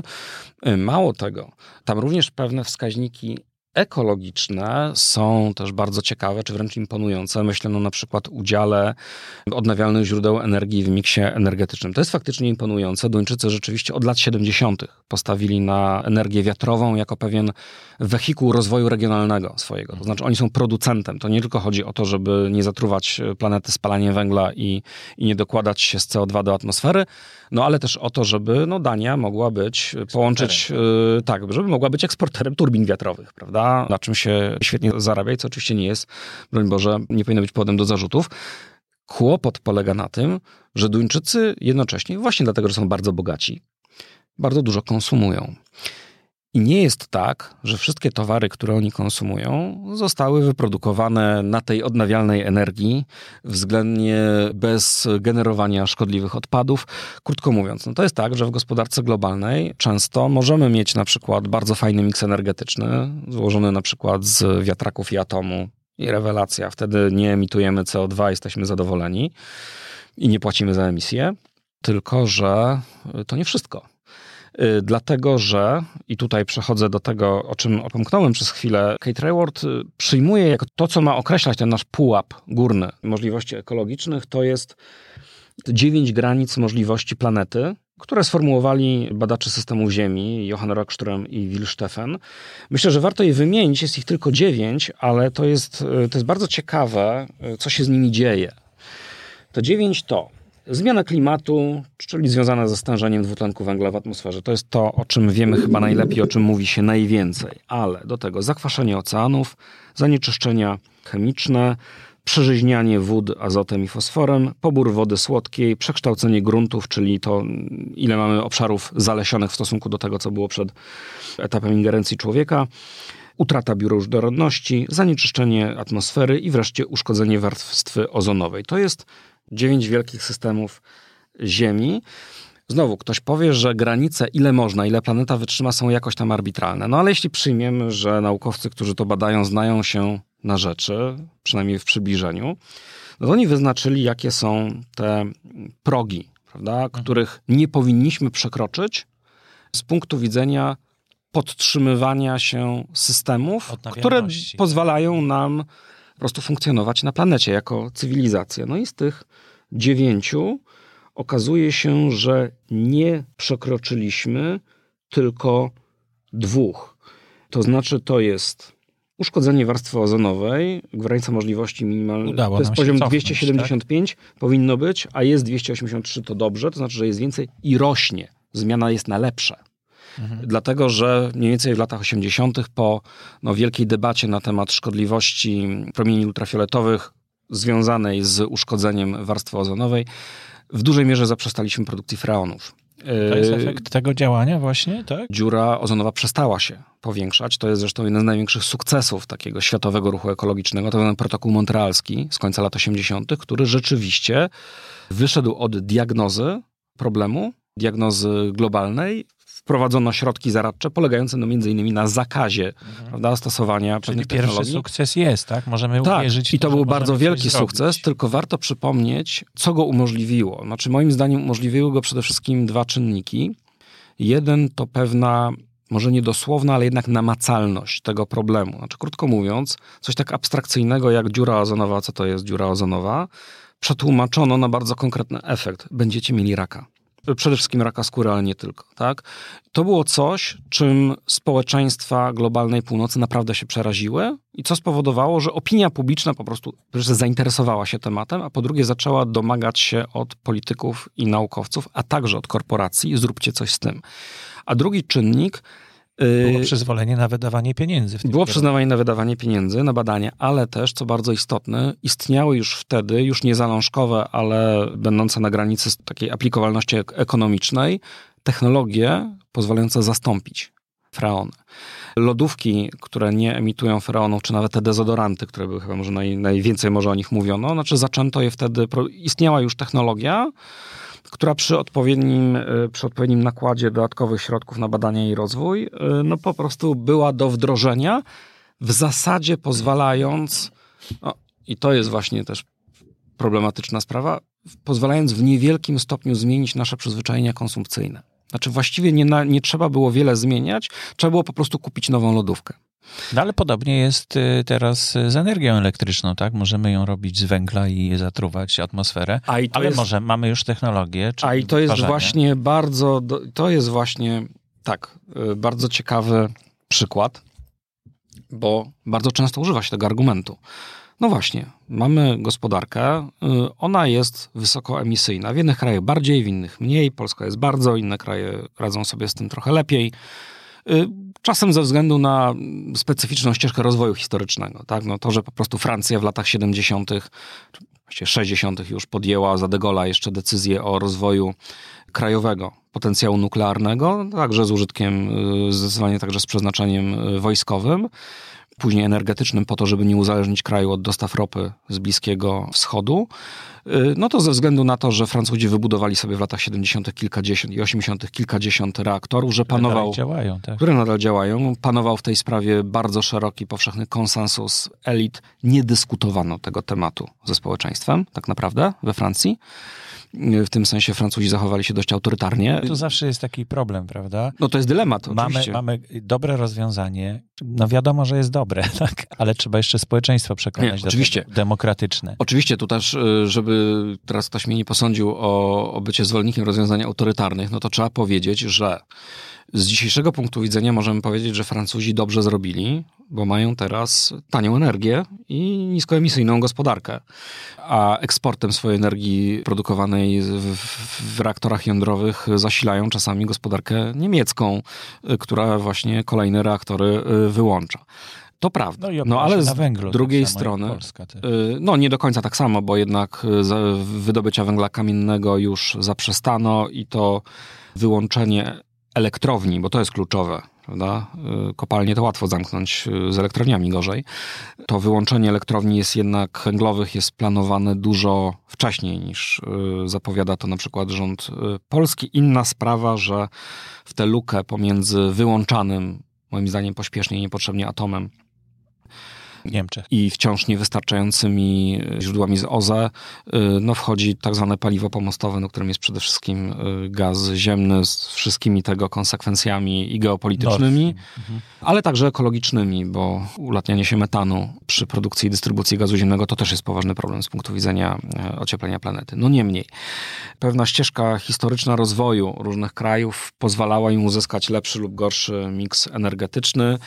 No, myślę, że nie jeden Francuz, także nie jeden zwolennik energii atomowej w latach 80., kiedy wybuchł reaktor w Czarnobylu, no mógł nabrać wątpliwości co do tego, co się wydarzyło, mimo że wiemy, że reaktor RBMK to jest coś innego niż to, co produkowano i budowano na Zachodzie. No niemniej nie jest tak, żeby te lęki związane z energią atomową były zupełnie bezpodstawne. Tak? Nawet jeśli one są przesadzone i wyolbrzymiane, to jednak skala potencjalnej katastrofy, zwłaszcza w momencie, zwłaszcza zanim zaczęto. Pamiętajmy, że zanim doszło do tych wielkich katastrof, a przynajmniej zanim o nich wiedzieliśmy, bo w Związku Radzieckim wcześniej też były katastrofy jądrowe, w Krysztymie na przykład w latach 50., ale e, nikt na zewnątrz o tym nie wiedział, to pod wpływem tych katastrof zaczęliśmy wydawać gigantyczne pieniądze na zabezpieczanie bloków jądrowych w dużo lepszy sposób niż dotychczas, co też podraża koszty ich budowy. Pamiętajmy, że Francuzi mogli stosunkowo tanio wybudować swoje reaktory, także dlatego, że robili to w epoce, kiedy o bezpieczeństwo jednak mniej myślano niż myślimy po Czarnobylu. I dobrze, że myślimy więcej po, po roku 86.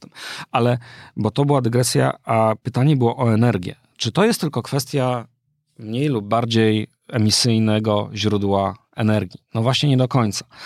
Bo owszem, jest do pomyślenia, y, czy na samym OZE jesteśmy w stanie, czy na samych odnawialnych źródłach energii jesteśmy w stanie zasilić gospodarki. Co do tego toczą się spory. Prawdopodobnie jest to kwestia dużo dalej posuniętego usieciowienia, połączenia sieci krajowych różnych krajów, no tam, y, a także magazynowania przesyłania energii z, z, z miejsca, miejsca, w którym gdzie świeci słońce. Tak, ta, tam gdzie nie świeci y, w pewnym uproszczeniu, y, magazynowania energii, które dzisiaj jest bardzo trudne i jeszcze no, daleko do takich mocy żeby to było ekonomicznie opłacalne na wielką skalę. Niemniej. Ta energia jądrowa we Francji też będzie miała swoje skutki, tak? Bo trzeba będzie je zaraz wygaszać, te niektóre z tych no, elektrowni. Co do tego toczy się to spór oczywiście, co będzie koszty. dalej. Ale nie, nie chciałem tutaj wchodzić w spór y, atom czy, czy OZE. Tak jak mówię, toczy się spór co do tego, czy same OZE wystarczą. Ja coraz bardziej chyba skłaniam się ku tezie, że może nie w przewidywalnej perspektywie czasowej. Problem polega tak naprawdę na czym innym. Otóż nawet bezemisyjne źródła energii, tak? takie jak atom, gdzie rozszczepia się jądro uranu i odnawialne źródła energii, prawda, gdzie przetwarza się energię słoneczną czy energię wiatrową, gdzie nie dochodzi do spalania węglowodorów, krótko mówiąc, i nie ma emisji dwutlenku węgla ani innych gazów cieplarnianych.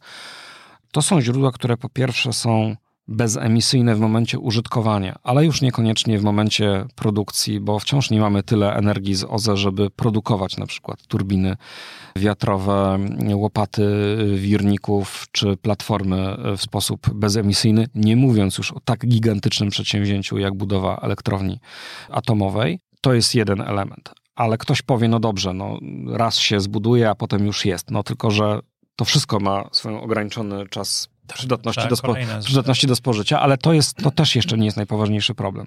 Dużo poważniejszy jest taki, że emisje to nie jest jedyny problem. Jeśli weźmiemy te dziewięć systemów Ziemi, no tam jest kwestia użytkowania terenu, prawda? No i tu jest znowu pytanie o to, ile powierzchni tak naprawdę zajmują na przykład farmy fotowoltaiczne czy wiatraki. Ale jeszcze poważniejszy problem to jest, bo znowu tu też są spory, niektórzy twierdzą, być może nie bez racji, że można tak budować farmy fotowoltaiczne, żeby jednocześnie można je było zastosować do jakiejś formy, oczywiście innej niż dzisiaj rolnictwa, tak? Też bardziej ekologicznego, mniej masowego, nie takiego, gdzie się traktorem wjeżdża, tylko pracuje się przy mniejszym udziale maszyn. To jest znowu kwestia sporna, ale niewątpliwie do produkcji odnawialnych źródeł energii potrzebujemy, także do, do, do budowy elektrowni atomowych, potrzebujemy całej masy materiałów, których wydobycie, rosnące wydobycie i rosnące na nie zapotrzebowanie, no, nie pozostaje bez efektów ekologicznych. To samo dotyczy baterii, produkcji baterii, na przykład do samochodów elektrycznych, prawda, które przy elektryfikacji transportu będą niezbędne. Krótko mówiąc, każde źródło energii ma swoje skutki uboczne. To nie przesądza o tym, że nie powinniśmy go stosować, wręcz przeciwnie, bo wszystko wskazuje na to, że w porównaniu do paliw kopalnych to i tak jest mniejszy koszt ekologiczny. Niemniej on jest. Bo oczywiście kopalnie generują jeszcze większy, tak? Kopalnie węgla kamiennego czy odkrywki gazu łupkowego generują jeszcze większy koszt ekologiczny niż kopalnie kobaltu, prawda? Czy litu niezbędnego do produkcji odnawialnych źródeł energii.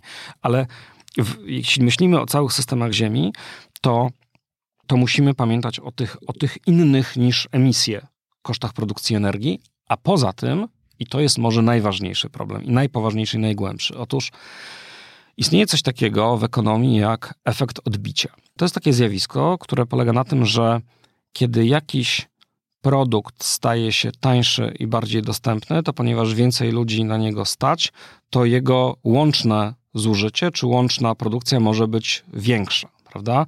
To gdybyśmy byli, gdybyśmy żyli w czasach gospodarki tuż powojennej, powiedzielibyśmy fantastycznie. To znaczy, że możemy produkować różne dobra taniej, efektywniej, a więcej ludzi będzie na nie stać. Podniesiemy poziom życia, producenci więcej zarobią, robotnicy będą mieli pracę. No krótko mówiąc, gra o sumie dodatniej, prawda? Takie win-win na kilku planach.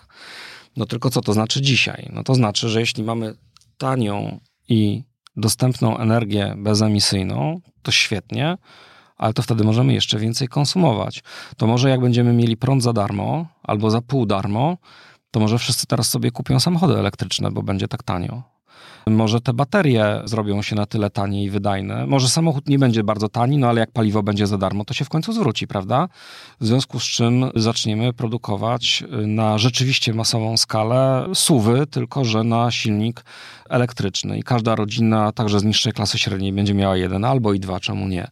No i problem polega na tym, to nie jest argument przeciwko OZE, tylko jest argument za tym, że OZE nie wystarczą. Znaczy, czy nisko niska emisyjność produkcji energii albo bezemisyjność nawet produkcji energii to nie wszystko, dlatego że pozostaje jeszcze kwestia nadmiernej konsumpcji, która powoduje, że przy taniej energii to fajnie, jesteśmy w stanie zużywać i jesteśmy gotowi i chętni zużywać jeszcze więcej materiałów jako społeczeństwo, no bo one będą zużywane do produkcji tego wszystkiego, co my będziemy zużywać, na co nas będzie teraz stać. Podobnie jest z hodowlą zwierzęcą, prawda? Jeśli, jeśli mamy już przekroczony pewien próg e, produkcji zwierzęcej, to wiadomo, że mleko, no, nie można go za długo przechowywać, trzeba je sprzedawać, trzeba wywołać potrzebę na rynku, cena spada, ludzie z, tych, e, z tego mleka robią różne przetwory, masło i tak dalej, i tak dalej.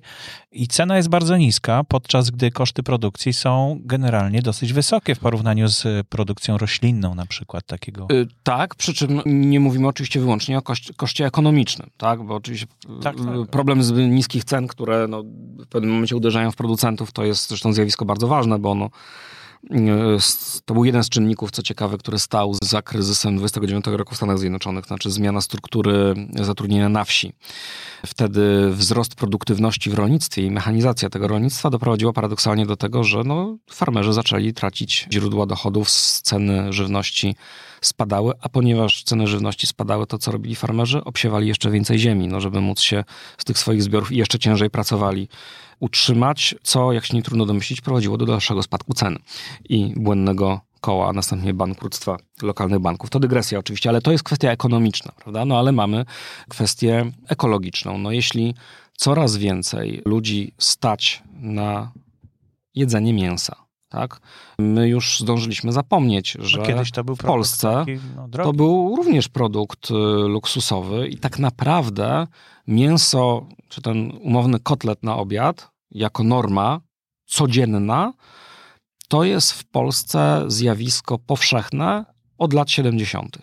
To znaczy, Edward Gierek był tym pierwszym sekretarzem, któremu brak kotleta schabowego na stole, czy brak szynki tam w niedzielę mógł realnie zaszkodzić. To znaczy, aspiracje były już rozbudzone do tego stopnia, że to było coś, co traktowano jako oczywiste, jako coś, co się po prostu należy. Pierwsze strajki były chyba po podniesieniu właśnie cen e, w stołówce. E, w, w, w, stołówce.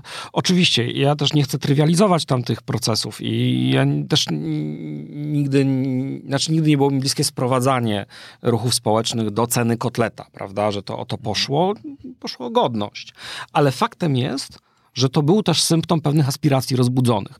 To, że właśnie brak tego kotleta, czy ta niedostępność była uznana za coś, co uderza w naszą godność, prawda? No to to jednak świadczy o tym, jak przesunęły się aspiracje. No tak? są jakieś granice, prawda, wytrzymałości i takiego pozwolenia na, na obniżanie jakości. No właśnie. A z drugiej strony okazało się y, po pewnym czasie, znaczy i nam się wtedy wydawało, że to jest tylko problem nieefektywności gospodarki, tak? No, że po prostu socjalizm nie dowiózł tego kotleta, w pewnym momencie przestał dowozić, tak?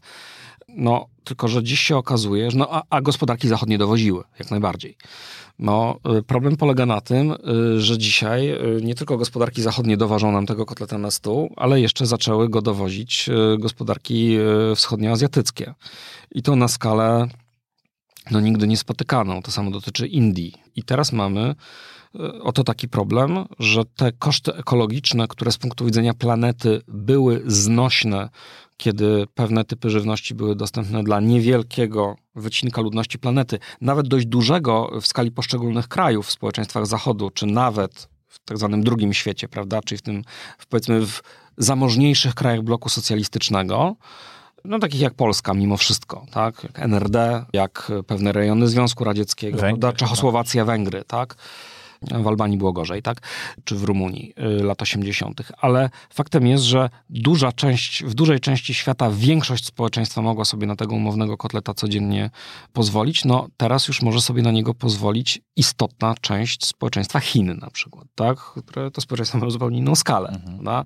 Jeśli klasy średniej w Chinach jest więcej niż wszystkich Amerykanów, y, no to y, i to są ci właśnie, których, którym rosną aspiracje konsumpcyjne, rośnie wyrafinowanie. To już nie tylko tylko chodzi o to, żeby był kotlet, tylko chodzi o to, żeby to może była jakaś wołowina z Europy, prawda? albo z Argentyny na przykład sprowadzona, takie, takie cuda, no to te koszty zaczynają się robić y, horrendalne. I teraz ta bezemisyjna energia no nie załatwi nam problemu, bo owszem, być może wyprodukujemy prąd do y, zasilenia y, no tej produkcji rolnej, może nawet niedługo wyprodukujemy wodór y, i silniki na niego w takiej postaci, żeby statki wielkie mogły to mięso przewozić, prawda? Albo pociągi jadące na prąd z odnawialnych źródeł energii będą to mięso przewoziły y, w tej czy innej formie. No tylko, że to wszystko prowadzi do tego, że na końcu mamy rosnącą konsumpcję i rosnące zużycie materiałów, prawda? Rosnące zużycie zasobów, rosnącą przede wszystkim produkcję odpadów. Tak? Nawet jeśli emisje z energetyki uda nam się zredukować. Znowu, to wszystko nie znaczy, że nie mamy tego robić, to wszystko znaczy, że to nie wystarczy. Kate Rayward o wzroście pisze w bardzo ciekawy sposób, bo ona mówi, ona próbuje się odnieść, to jest jeden z najbardziej moim zdaniem pasjonujących rozdziałów tej książki, bo ona mówi o tym, ona odnosi się do sporu, który gdzieś tam od kilku lat, już nie tylko w niszy akademickiej czy aktywistycznej, ale już w głównym nurcie społeczeństw globalnej północy, może to lepsze określenie niż zachodu, jest bardzo żywy, to znaczy o to, co dalej ze wzrostem. Skoro wiemy, że wzrost w obecnej formule prowadzi do degradacji planety, no to zostaje nam tak naprawdę pytanie, czy możliwy jest zielony wzrost, czyli wzrost bez wzrostu emisji i bez wzrostu zużycia materiałów, zasobów, generowania odpadów, czy też to jest w ogóle już niemożliwe, zwłaszcza w przypadku tych krajów, które mają najwyższy poziom produkcji i konsumpcji przede wszystkim na mieszkańca i musimy przejść na jakiś zupełnie inny paradygmat, y, nazywany nie do końca precyzyjnie postwzrostem czy odwzrostem. No, w języku angielskim to słowo degrowth, y, które sugeruje raczej pojęcie od, to znaczy, że że przestajemy rosnąć właśnie w wymiarze PKB.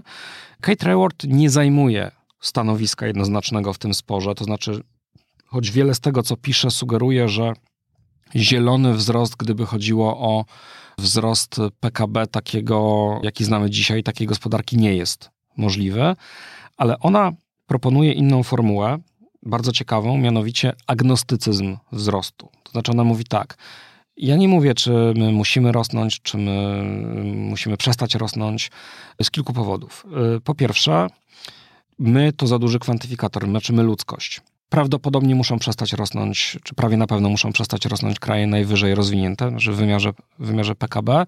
Niewątpliwe jest natomiast, że jest bardzo wiele krajów na świecie, czy to krajów na kontynencie afrykańskim, czy w Ameryce Łacińskiej, czy w Azji, zwłaszcza południowej, które rosnąć muszą po to, żeby móc zapewnić swoim mieszkańcom realizację podstawowych minimum, praw społecznych, tych, tak. tych właśnie, które, które definiowane są między innymi przez, przez cele zrównoważonego rozwoju. On po prostu nie zdołają tego, tego, tego uzyskać bez, bez wzrostu no, co, gospodarczego. Te, te, naj, te, najbogatsze kraje mogą ograniczyć swoje potrzeby chyba, tak? No to też można znowu wrócić I do właśnie. porównania e, do gospodarstwa, tak? E, e, no nowego. Tak, że może można powiedzieć, że no dobrze, no to jak, jak nie stać nas na 120 metrów, czy tam 500 metrów kwadratowych, tak. no to musimy się zmieścić w 40 metrach kwadratowych i jakoś ograniczyć swoje potrzeby. Wiele na to wskazuje. Pytanie brzmi oczywiście, czy to będzie wykonalne politycznie. Znaczy, czy ci politycy, którzy powiedzą swoim obywatelom, słuchajcie, no musicie po prostu spożywać mniej.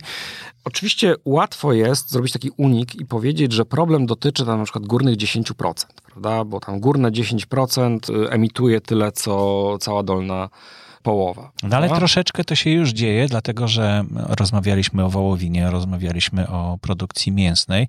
No ona, ona spada, bo ludzie zaczynają rozumieć, że to, że to powoduje też negatywne skutki nie tylko w gospodarce, ale właśnie na, w, w klimacie, tak ogólnie rzecz biorąc. I, I to przemawia do wyobraźni, tak, że możemy zamiast mięsa jeść jakieś roślinne zamienniki. Tak. I to rośnie. Wiele, tak? na, to, wiele na to wskazuje i to jest trend, który jest ważny i jako pewien także styl życia, to słowo czasem jest takie traktowane z pewnym lekceważeniem, ale jest to traktowane jako pewna oferta, tak? Etyczna, ale też e, oferta, która no, przynosi różne korzyści zdrowotne na przykład, tak? E, a także, e, no i także właśnie te kluczowe korzyści dla, dla planety. I oczywiście tak, kłopot polega na tym, że istnieją duże społeczeństwa, dużo liczniejsze od naszych, które na tym etapie nie wyglądają. Znaczy trend nie zmierza raczej w tym, w tym, Czyli w tym kierunku. na tym etapie, jak Polska patrzyła na zachód, tak? To jest... E, tak i, i wiele wskazuje, że przez jakiś czas nie zamierzają tego trendu odmienić, więc to może nie wystarczyć.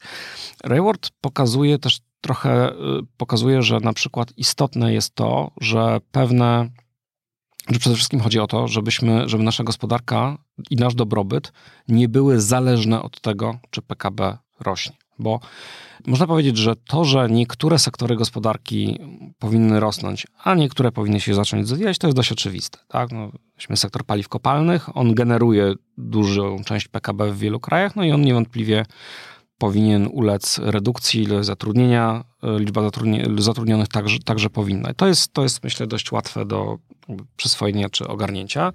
Są sektory, które są no, z definicji niżej emisyjne. Y, to są te wszystkie, które wiążą się z, czy przynajmniej większość tych, które wiążą się z usługami. Praca w usługach jest dużo, dużo niżej emisyjna niż, y, niż praca w przemyśle, a nieraz dużo bardziej, czy co najmniej tak bardzo, tak bardzo użyteczna społecznie. Ta praca, na przykład praca opiekuńcza, praca wychowawcza. Te wszystkie zawody często sfeminizowane, które są nisko opłacane, a niezbędne do tego, żeby no, podtrzymywać w ogóle społeczeństwo jako całość, tak, żeby ono mogło funkcjonować. Tu nie chodzi tylko o wychowywanie dzieci, ale także chodzi o uczenie w szkołach, chodzi o opiekę nad pacjentami, chodzi o opiekę nad osobami starszymi i y, zależnymi, ale także animowanie życia kulturalnego, prawda? To wszystko są czynności, które mają znaczenie gospodarcze, nawet jeśli nie zawsze są odpłatne. Być może niektóre z nich powinny być, y, a niektóre powinny być płatne wyżej, tak? Tu ukłon w stronę nauczycieli i pracowników y, ochrony zdrowia przede wszystkim. I tutaj oczywiście możemy myśleć no, o pewnej jakiejś takiej zamianie, zmianie struktury gospodarczej, która byłaby korzystna społecznie, czy byłaby wręcz niezbędna w związku z wielkimi trendami, no takimi jak dem, trendy demograficzne i starzenie się społeczeństwa, tak? Że dużo z nas będzie, więcej będzie chorować i będzie wymagać wsparcia w życiu codziennym. no i jednocześnie takich, które się przekładają na dobrostan planety, czyli na przykład pozwalają redukować emisję, czy po prostu generują mniej odpadów. Tutaj wydaje mi się nie ma jakiegoś wielkiego sporu i pytanie brzmi, czy oczywiście jest tak, że my będziemy w stanie tak wymyślić społeczeństwa, żeby y, móc, no właśnie, na przykład lepiej wynagradzać te prace, które dzisiaj wynagradzamy bardzo słabo i z czego będziemy czerpać na przykład tę nadwyżkę, żeby te prace sfinansować, prawda? Czy da się to zrobić bez dużego udziału przemysłu? Na to pytanie nie ma prostej odpowiedzi, prawda? Bo kiedy mamy zamożne społeczeństwo, które produkuje coś bardzo cennego w przemyśle jeszcze na eksport i ma dużą nadwyżkę, może progresywne opodatkowanie wprowadzić i wtedy świetnie opłacać nauczycielki, pielęgniarki ratowników medycznych. To właściwie to wtedy się spina. Tylko to cały czas jest logika taka państwa dobrobytu po II wojnie światowej. Wiemy, że te zawody i te prace nie tylko są użyteczne społecznie, ale też są dużo mniej obciążające dla, dla środowiska, jasne. Pytanie brzmi, czy będziemy w stanie tak wymyślić redystrybucję środków w społeczeństwie, żeby ta zmiana priorytetów, na przykład zmiana wynagrodzeń była, była możliwa przy jednoczesnej redukcji na przykład jakichś sektorów ważnych y, produkcji przemysłowej. I myślę, że bardzo ważny też element, to o czym, o czym Rayward pisze i co postuluje, też ważne w kontekście wzrostu, to jest to, na co nastawione są w, swoim w swojej działalności poszczególne przedsiębiorstwa czy poszczególne organizacje. To znaczy, bo takim mikroodpowiednikiem dążenia do wzrostu PKB jest oczywiście dążenie do y, przedsiębiorstwa do y, zysku, jeszcze w miarę możliwości w krótkim okresie. No i takim no tutaj tematem rzeką w zasadzie, który się przewija przez wiele rozdziałów tej książki jest spółdzielczość, pokazywana jako pewien pomysł na to, jak w działalności gospodarczej łączyć różne priorytety, to znaczy oczywiście efektywność gospodarczą, czy efektywność alokacji zasobów ekonomicznych, ale też wartości demokratyczne, bo spółdzielnie to są takie miejsca, gdzie pracownicy są jednocześnie udziałowcami, tymi, którzy mają wpływ na to, jak funkcjonuje cała organizacja. Bo I to... tutaj warto też wspomnieć, że w spółdzielczości do pewnego momentu y, istniała duża wada, prawda? To znaczy w demokracji spółdzielczej, bo nie można było zebrać 40 tysięcy członków spółdzielni na jednym zebraniu, tak. tylko trzeba było wybierać reprezentantów i ci reprezentanci dopiero decydowali, więc to była taka trochę skrzywiona demokracja. Czyli mieliśmy albo coś w rodzaju ze spółdzielczości robiła się reprezentacja pracownicza, która też jest dobra, ale no, no, niewiele różniła się od tego, co było w dużych no zakładach. I no, się często też betonowały te, te, te struktury, struktury, prawda? Albo działalność na poziomie, ograniczała się do poziomu mikro, czyli takiego, na którym można tych wszystkich ludzi no spotkać. Bo są też małe spółdzielnie. Spotkać, spotkać Ale teraz właśnie jest możliwość bezpośredniej demokracji, w, nawet w takich dużych e, spółdzielniach. Zgadza się za sprawą technologii cyfrowych, tak. nowych technologii komunikacyjnych, ale też, i to jest bardzo ciekawe, i to pokazuje, jak to wszystko potrafi się dobrze ze sobą łączyć i tworzyć pozytywne sprzężenia zwrotne, no bo odnawialne źródła energii są taką sferą, która daje bardzo dobrą okazję do tego, żeby spółdzielnie tworzyć w różnych miejscach kraju, nie tylko w wielkich metropoliach, a wręcz przeciwnie, często dużo korzystniejsze do tego warunki mają małe miasteczka czy wsie. I spółdzielnie są też taką formułą, która pozwala łączyć bardzo różnych aktorów, czyli na przykład aktorów samorządowych, lokalnych, mieszkańców, lokalnych przedsiębiorców. Y, krótko mówiąc, żeby tymi interesariuszami, tak, były bardzo różne grupy, a nie tylko właściciel bądź właściciele rozproszeni w formie akcjonariuszy klasycznych, którzy oczywiście również mają wpływ na prowadzenie firmy, ale ten wpływ jest już zależny od ilości posiadanych udziałów. Wtedy jest zasada 1 dolar, czy też 1 zł, 1 głos. W spółdzielniach jest inaczej, no bo to tutaj jedna osoba rzeczywiście ma, ma jeden głos. Także w z tego punktu widzenia ten wymiar, odnawialne źródła energii są pokazywane jako ten przykład taki, takiej działalności, czy, czy takiej coś wokół czego można zbudować działalność, realizującą dużo więcej celów niż tylko redukcja emisji, prawda? I to jest też myślenie w kategoriach obważanka, dlatego, znaczy ono dlatego też się mieści w kategoriach obważanka, że jest myśleniem o tym, jak zaspokajać potrzeby z tych obydwu poziomów. To znaczy mamy z jednej strony potrzeby planetarne, z drugiej strony właśnie potrzeby społeczne, nie tylko potrzeby w znaczeniu uzyskania określonego poziomu dochodu, ale też na przykład zaspokojenie potrzeby demokratycznej partycypacji w warunkach lokalnych, tak, co też jest ogromną wartością, czy jakieś potrzeby budowania więzi społecznych we wspólnocie lokalnej, prawda, poprzez, poprzez coś, co, co robimy e, razem. Ja myślę, że te, te spółdzielnie energetyczne są zresztą świetnym takim namacalnym przykładem tego, jak myślenie w kategoriach obważanka działa w praktyce i co ono oznacza w praktyce, bo Ktoś może powiedzieć, że no dobrze, no na poziomie ogólnym to jest takie w sumie słuszne, tak, no że trzeba tak, żeby wszyscy mieli tam wystarczająco, wszyscy, żeby wszyscy mieli to do garnka włożyć jeszcze trochę i z drugiej strony, żeby planeta od tego nie ucierpiała, no właściwie trudno się nie zgodzić, no tylko co by to miało w praktyce znaczyć?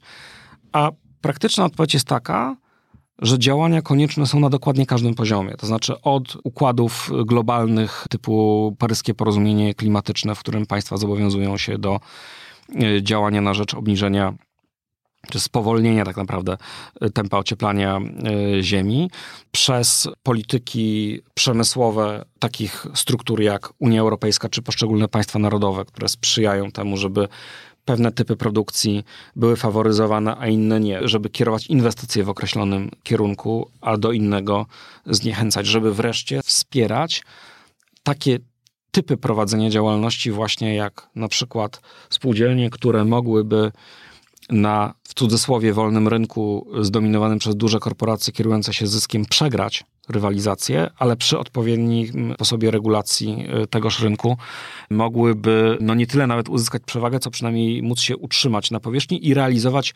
więcej celów gospodarczych i społecznych i ekologicznych naraz, nawet jeśli poziom zysku jaki wypracowują, czy poziom dochodu, jaki wypracowują, jest niższy niż ma to miejsce w przypadku gospodarki korporacyjnej, ale do tego oczywiście konieczny jest ten element regulacyjny, prawda, który jest domeną no, jakichś podmiotów politycznych i trochę też technokratycznych. I też to, to, to, to działanie, ono odbywa się na, na kilku poziomach, bo Kate Rayward pokazuje też, że te nasze stare modele ekonomiczne, które zakładały, że w centrum modelu jest jednostka racjonalnie kalkulująca korzyści i straty, jest rynek składający się z gospodarstw domowych, przedsiębiorstw, no powiedzmy państwa, ewentualnie jeszcze banków i zagranicy, prawda? W tym schemacie y, przepływu energii tu w ogóle nie ma, czy zasobów, czy materiałów, nie ma tu w ogóle kontaktu ze światem zewnętrznym. I to wszystko jest daleko niewystarczające, żeby móc opisać w ogóle to, w czym się znajdujemy, ale też do, do tego, żeby móc zaprojektować czy to sposoby działania, czy to regulacje, które pozwalają działać, organizować się, instytucjonalizować nasze działania e, właśnie w ramach obważanka. I ona pokazuje, że musimy oddziaływać na bardzo wielu poziomach, tak jak powiedziałem, z jednej strony od globalnego do lokalnego, ale z drugiej strony oddziaływać i na to, jak są dzielone dobra, czyli na ten element dystrybucji, na to, jakie my mamy aspiracje, to znaczy, czy definiowanie naszego osobistego szczęścia przez status ekonomiczny i to status indywidualny, prawda, nie jako do jakiś dobrobyt wspólny, tylko nasze posiadane zasoby, czy to jest to, czym się kierujemy w życiu i, i, i wokół czego organizujemy nasze wybory, a także wybory indywidualne konsumenckie, wybory ścieżek życiowych, ale także wybory polityczne, prawda, to na kogo głosujemy, ale poza tym poziomem dystrybucji, poza poziomem aspiracji jest też poziom regulacji, czyli to, jak państwo no, kształtuje ramy dla naszego działania. I to jest wreszcie to, na czym niektórzy nadmiernie się skupiają, a inni z kolei to by nieraz zaniedbują w swoim myśleniu o przyszłości. To znaczy kwestia oczywiście innowacji technologicznych, tylko znowu innowacje technologiczne nie, nie spadają z nieba. One są najczęściej pochodną nakładów finansowych, kierowania środków na określony kierunek. To znaczy, to nie jest tak, że możemy wymyślić na przykład cudowne, bezemisyjne, samoodtwarzające się źródło energii pod warunkiem tylko, że, znaczy warunkiem wystarczającym nie jest przeznaczenie na to odpowiednich środków, ale jeśli się tego nie zrobi, to znaczy się tego nie wyznaczy jako pewnej na przykład misji dla przedsiębiorstw na poziomie krajowym, czy to na poziomie unijnym, no to wtedy szanse na to, że takie innowacje się pojawią, albo znacząco spadają, albo ten proces jest znacząco opóźniony. Ekonomia obważanka, myślę, jest dlatego tak charakterystyczna dla w ogóle trendów w ekonomii współczesnej, że pokazuje, z jak bardzo złożoną rzeczywistością mamy do czynienia i stara się pokazywać, że przy właśnie i określaniu naszych aspiracji, i ustalaniu, w jaki sposób dzielimy dochód, a także w jaki sposób wypracowujemy majątek, według jakich kryteriów, co się komu należy, to w jaki sposób regulujemy rzeczywistość, w jakiej działamy i to, w jakim kierunku popychamy nasz rozwój, to wszystko jest taki gigantyczny system bardzo skomplikowanych naczyń połączonych, którym się nie da zarządzać z jednego punktu, ani nie da się go opisać przy pomocy prostego modelu, bo nawet te modele używające bardzo wyrafinowanych narzędzi matematycznych, których nikt bez doktoratu z nauk ścisłych nie rozumie, nawet one były często oparte na zaskakująco prymitywnych wyobrażeniach co do tego, jak działa świat, prawda? Na przykład jak działa, wiem, czym jest natura ludzka, prawda? Czym się kierujemy w swoim życiu. I niepostrzeżenie bardzo szybko było tak, że od opisu rzekomo tego, co jest, przechodziliśmy do tego, że tak być powinno i w związku z tym wobec, wokół tego, w tym kierunku należy kształtować y, instytucje polityczne. Myślę, że wielką zaletą ekonomii obważanka jest też pokazanie, że ekonomia nigdy nie jest wolna od wartości i że lepiej zamiast twierdzić, że opisujemy świat w sposób zupełnie obiektywny i neutralny, lepiej powiedzieć, że uwzględniamy wartości, jakimi ludzie się kierują i że rozmaite instytucje, rozmaite prawa, rozmaite rozwiązania technologiczne także w określonych kontekstach mhm. mogą służyć tym bądź innym wartościom.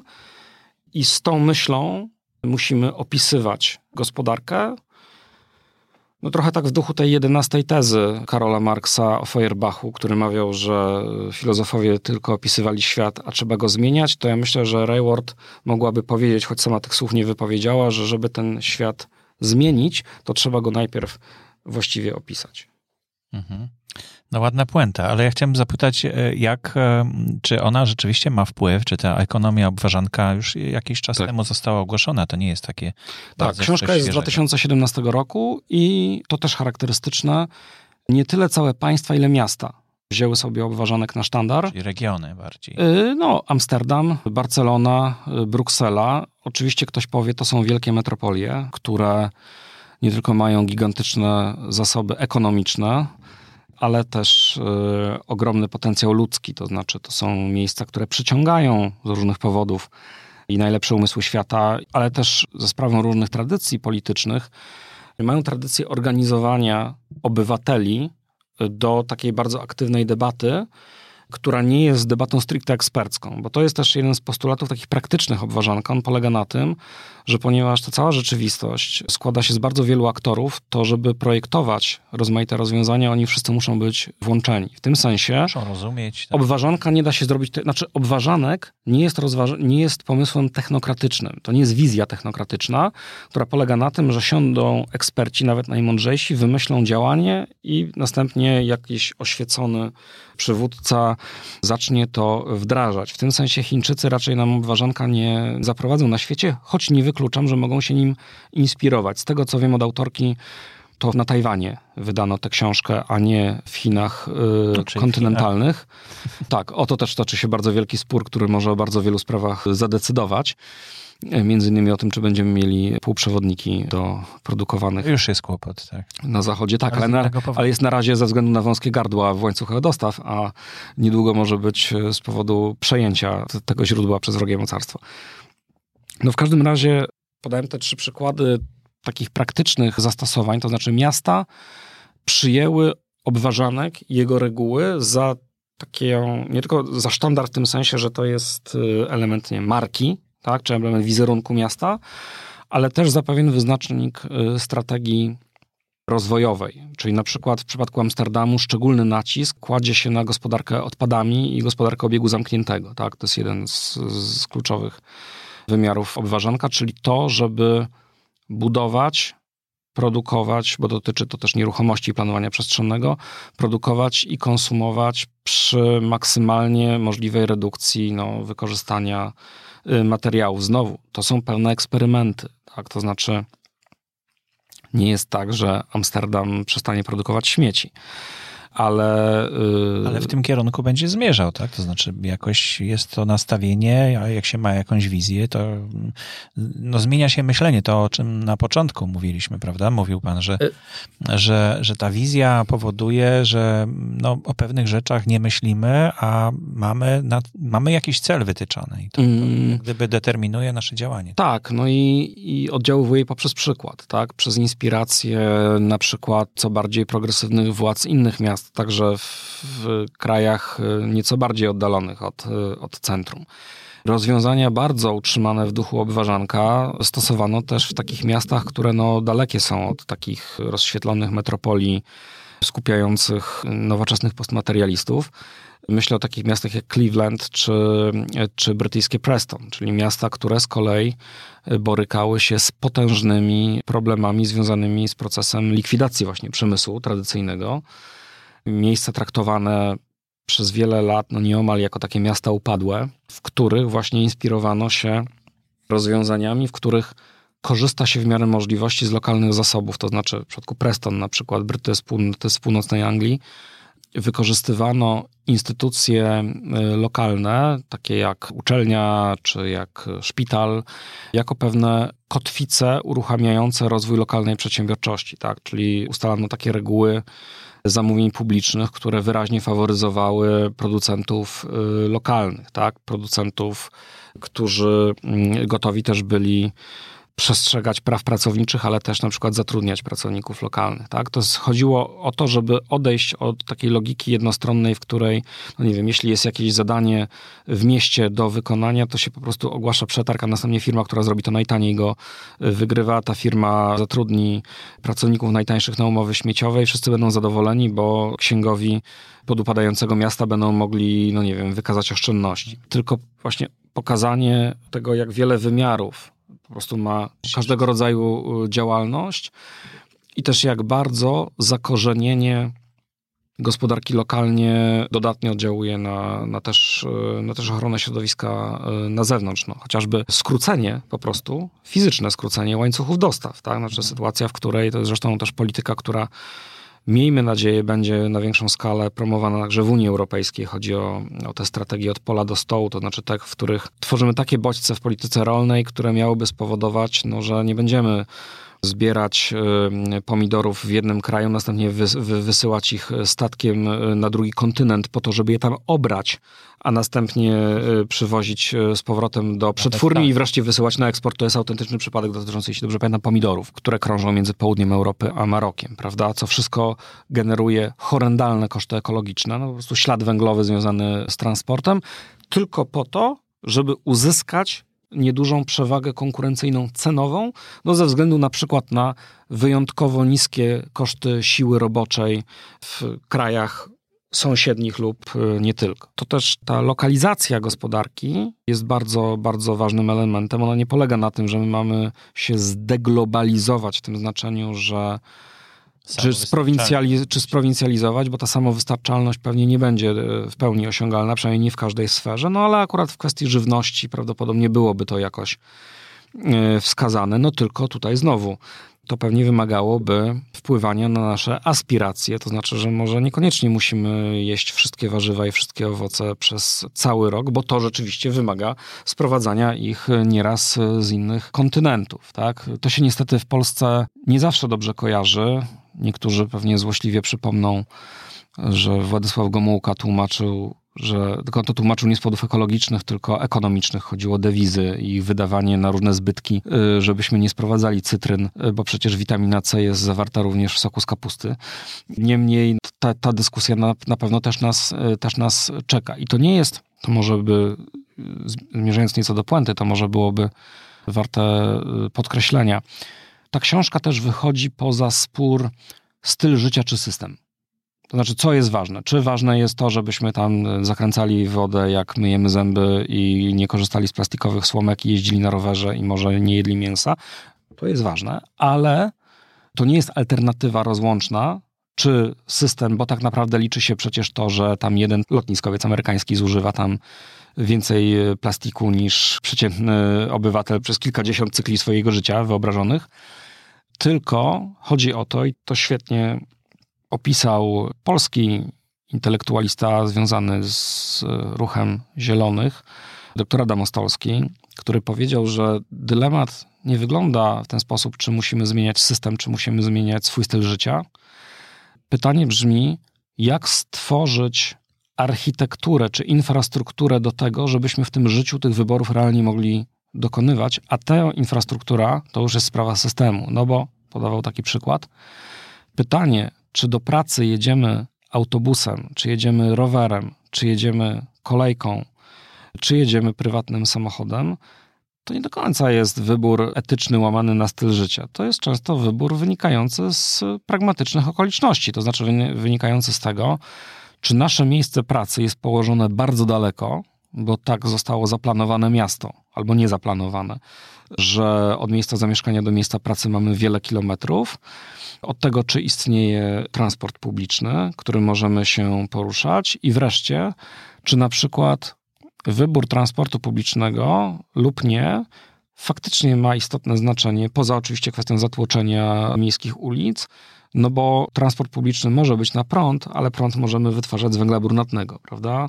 To samo zresztą dotyczy indywidualnego samochodu elektrycznego. O ile to, czy wsiądziemy y, do samochodu, do, na rower, czy pójdziemy pieszo, w jakimś stopniu oczywiście jest zależne naszej arbitralnej decyzji, no o tyle to, czym zasilane są te pojazdy, już często niekoniecznie. To jest sprawa polityki, sprawa wielkich rozwiązań systemowych. Także ta alternatywa jest fałszywa. Znaczy ona, ona jest w ogóle, to jest w ogóle źle postawiony problem, tak? E, nie chodzi o to, czy ważniejsza jest e, nasza indywidualna etyka życia codziennego, przekładająca się na wybory konsumenckie, czy ważniejsze jest to, kiedy zakażemy spalania węgla w piecach, E, przydomowych i kotłach.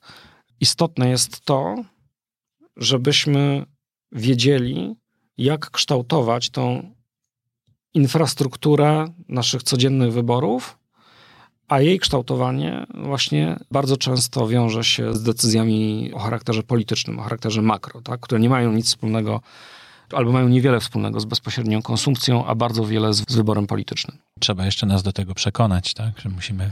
Tylko łatwiej nas przekonać, kiedy tego, ta kolejka y, z naszego y, miasteczka do tego większego, gdzie jeździmy, jeździ regularnie, niż kiedy nie jeździ, albo kiedy jej w ogóle nie ma. To są wszystko sprawy, które zbyt łatwo przerzuca się na jednostkę jako, na pewien, jako pewien ciężar, który ma od niej zależeć i być sprawą jej indywidualnej czy prywatnej etyki.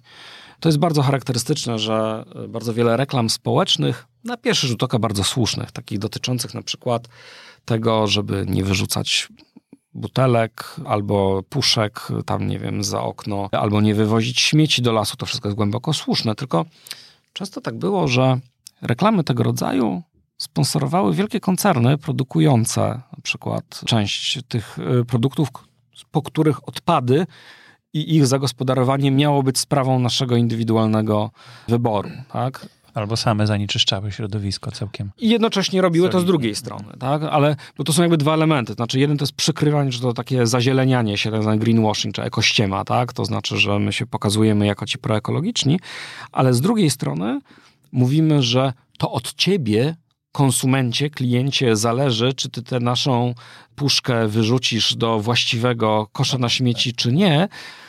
No tymczasem y, bardzo często jest tak, że to nie ma wielkiego znaczenia, do którego się wyrzuci, a w każdym razie najważniejsze pytanie brzmi, a właściwie dlaczego ta firma produkuje to w puszkach, a nie w szklanych butelkach na kaucję, prawda? To był wielki spór w Stanach Zjednoczonych i tego rodzaju reklamami społecznymi, kampaniami takimi indywidualizującymi odpowiedzialność, y, firmy produkujące napoje, między innymi Coca-Cola, y, no właśnie próbowały skutecznie prowadziły lobbying przeciwko ustawie butelkowej, która miała narzucić kaucję na butelki obowiązkowe, tak?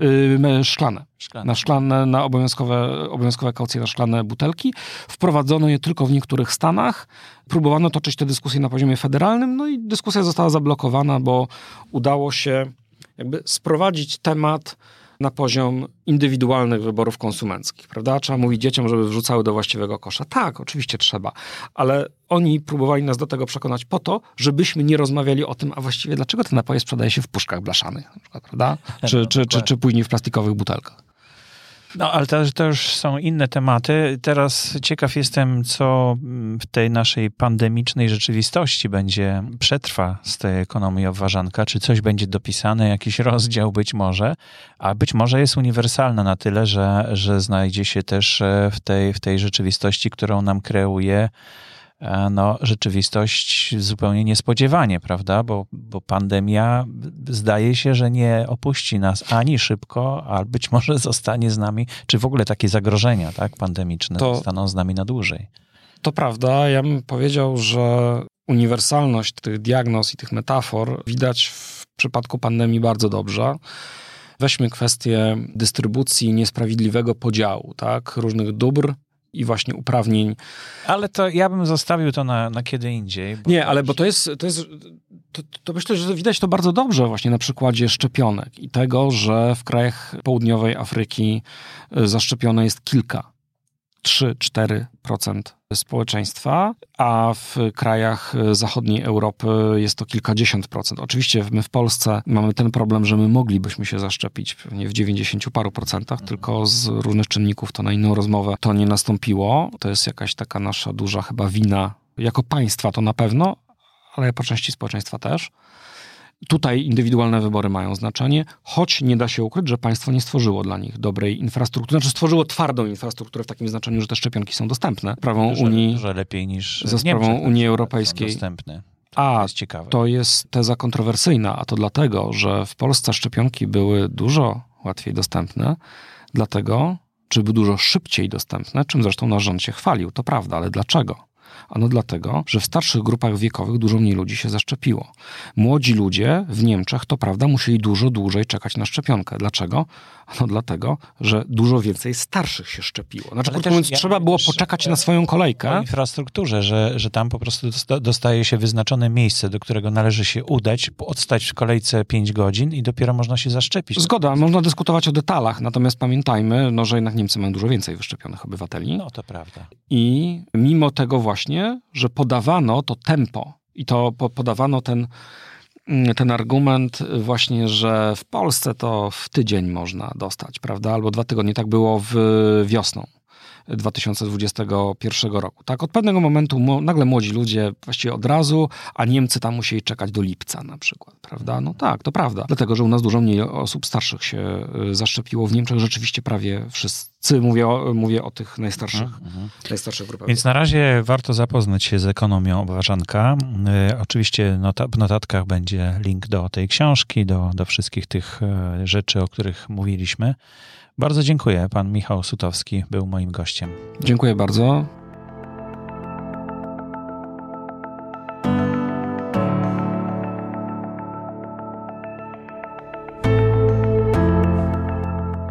To był 144 odcinek podcastu Nauka XXI wieku pod tytułem Zmiany w ekonomii z udziałem pana Michała Sutowskiego. Przypominam o możliwości zadawania pytań pod numerem 737 893 825 lub poprzez stronę speakpipe.com ukośnik nauka. Zapraszam do subskrybowania audycji e-mailowego. Okienko do wklejenia mm, adresu e-mail znajduje się na dole strony pod adresem podcasty.info ukośnik nauka. Inne moje podcasty znajdują się pod adresem podcasty.info ukośnik Borys Kozielski. A teraz chciałbym serdecznie podziękować najhojniejszym patronom, którzy wspierają moją audycję. A są to Tomek Faber, Kamila Fornalik, Karolina Gorska, Dorota Kozielska, Rafał Kozikowski, Andrzej Lach, Aleksandra Lichaj, Izabela Matela, Piotr Prochenka, Tomasz Stasiak i Adrian Wiśniewski. Bardzo dziękuję i proszę o więcej, dlatego że ciągle liczę na to, że pozostali słuchacze również dołączą do grona patronów, dlatego że to jest bardzo proste. To się bardzo pro, w prosty sposób przekłada. Jeśli e, jest Wam potrzebna ta audycja, jeśli podoba Wam się treść, jeśli uważacie, że moja misja, którą jest e, przenosić słowa tych, którzy wiedzą, mają tą wiedzę i doświadczenie do tych, którzy chcą wiedzieć, jest, ma dla Was sens, no to, to myślę, że ta, to grono patronów będzie rosło. Zwłaszcza dlatego, że wsparcie można zadeklarować i zrealizować już od 3 zł miesięcznie, więc to nie jest naprawdę duża kwota. E, zapraszam na stronę patronite.pl ukośnik Borys Kozielski, ale można też e, tę darowiznę przekazać poprzez paypal.com, wysyłając darowiznę cykliczną albo jednorazową na adres boryskozielski.gmail.com. Jest to jednocześnie adres do kontaktu ze mną. Przypomnę, że kontaktować się można również poprzez Facebooka. Mamy tam stronę podcastu jest też specjalna strona dla patronów. No i zapraszam również do komentowania odcinka. Ten dzisiejszy odcinek podcastu można komentować we wpisie, do którego prowadzi link podcasty.info ukośnik nauka ukośnik 144. Bardzo się cieszę, że jest coraz więcej patronów. Bardzo wszystkim dziękuję i zapraszam do słuchania wszystkich poprzednich i następnych podcastów. A od jakiegoś czasu zapraszam również do oceny e, jakości tej pracy, którą dla Was wykonuję, jakości tego podcastu. Można to zrobić na Spotify poprzez przyznanie gwiazdki. Na Apple Podcasts e, można po prostu napisać opinię. Jest tam już kilka takich opinii, też przyznając gwiazdkę, e, gwiazdki, odpowiednią liczbę tych gwiazdek. Na YouTubie i na Facebooku można mm, poprzez e, ocenić poprzez e, dodanie łapki w górę albo łapki w dół. Można tam też pisać komentarze, ale główne komentarze i odpowiedzi na nie znajdziecie właśnie na stronie, e, do której kieruję link, o którym mówiłem wcześniej, czyli podcasty.info ukośnik nauka ukośnik 144, bo taki jest numer dzisiejszego odcinka.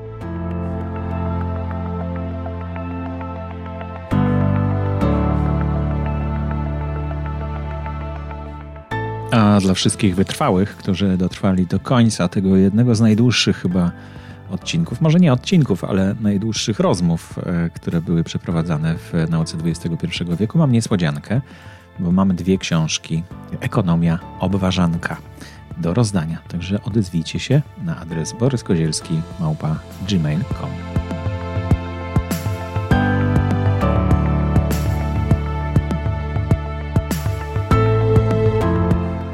To już wszystko na dzisiaj. Bardzo dziękuję za uwagę i do usłyszenia następnym razem.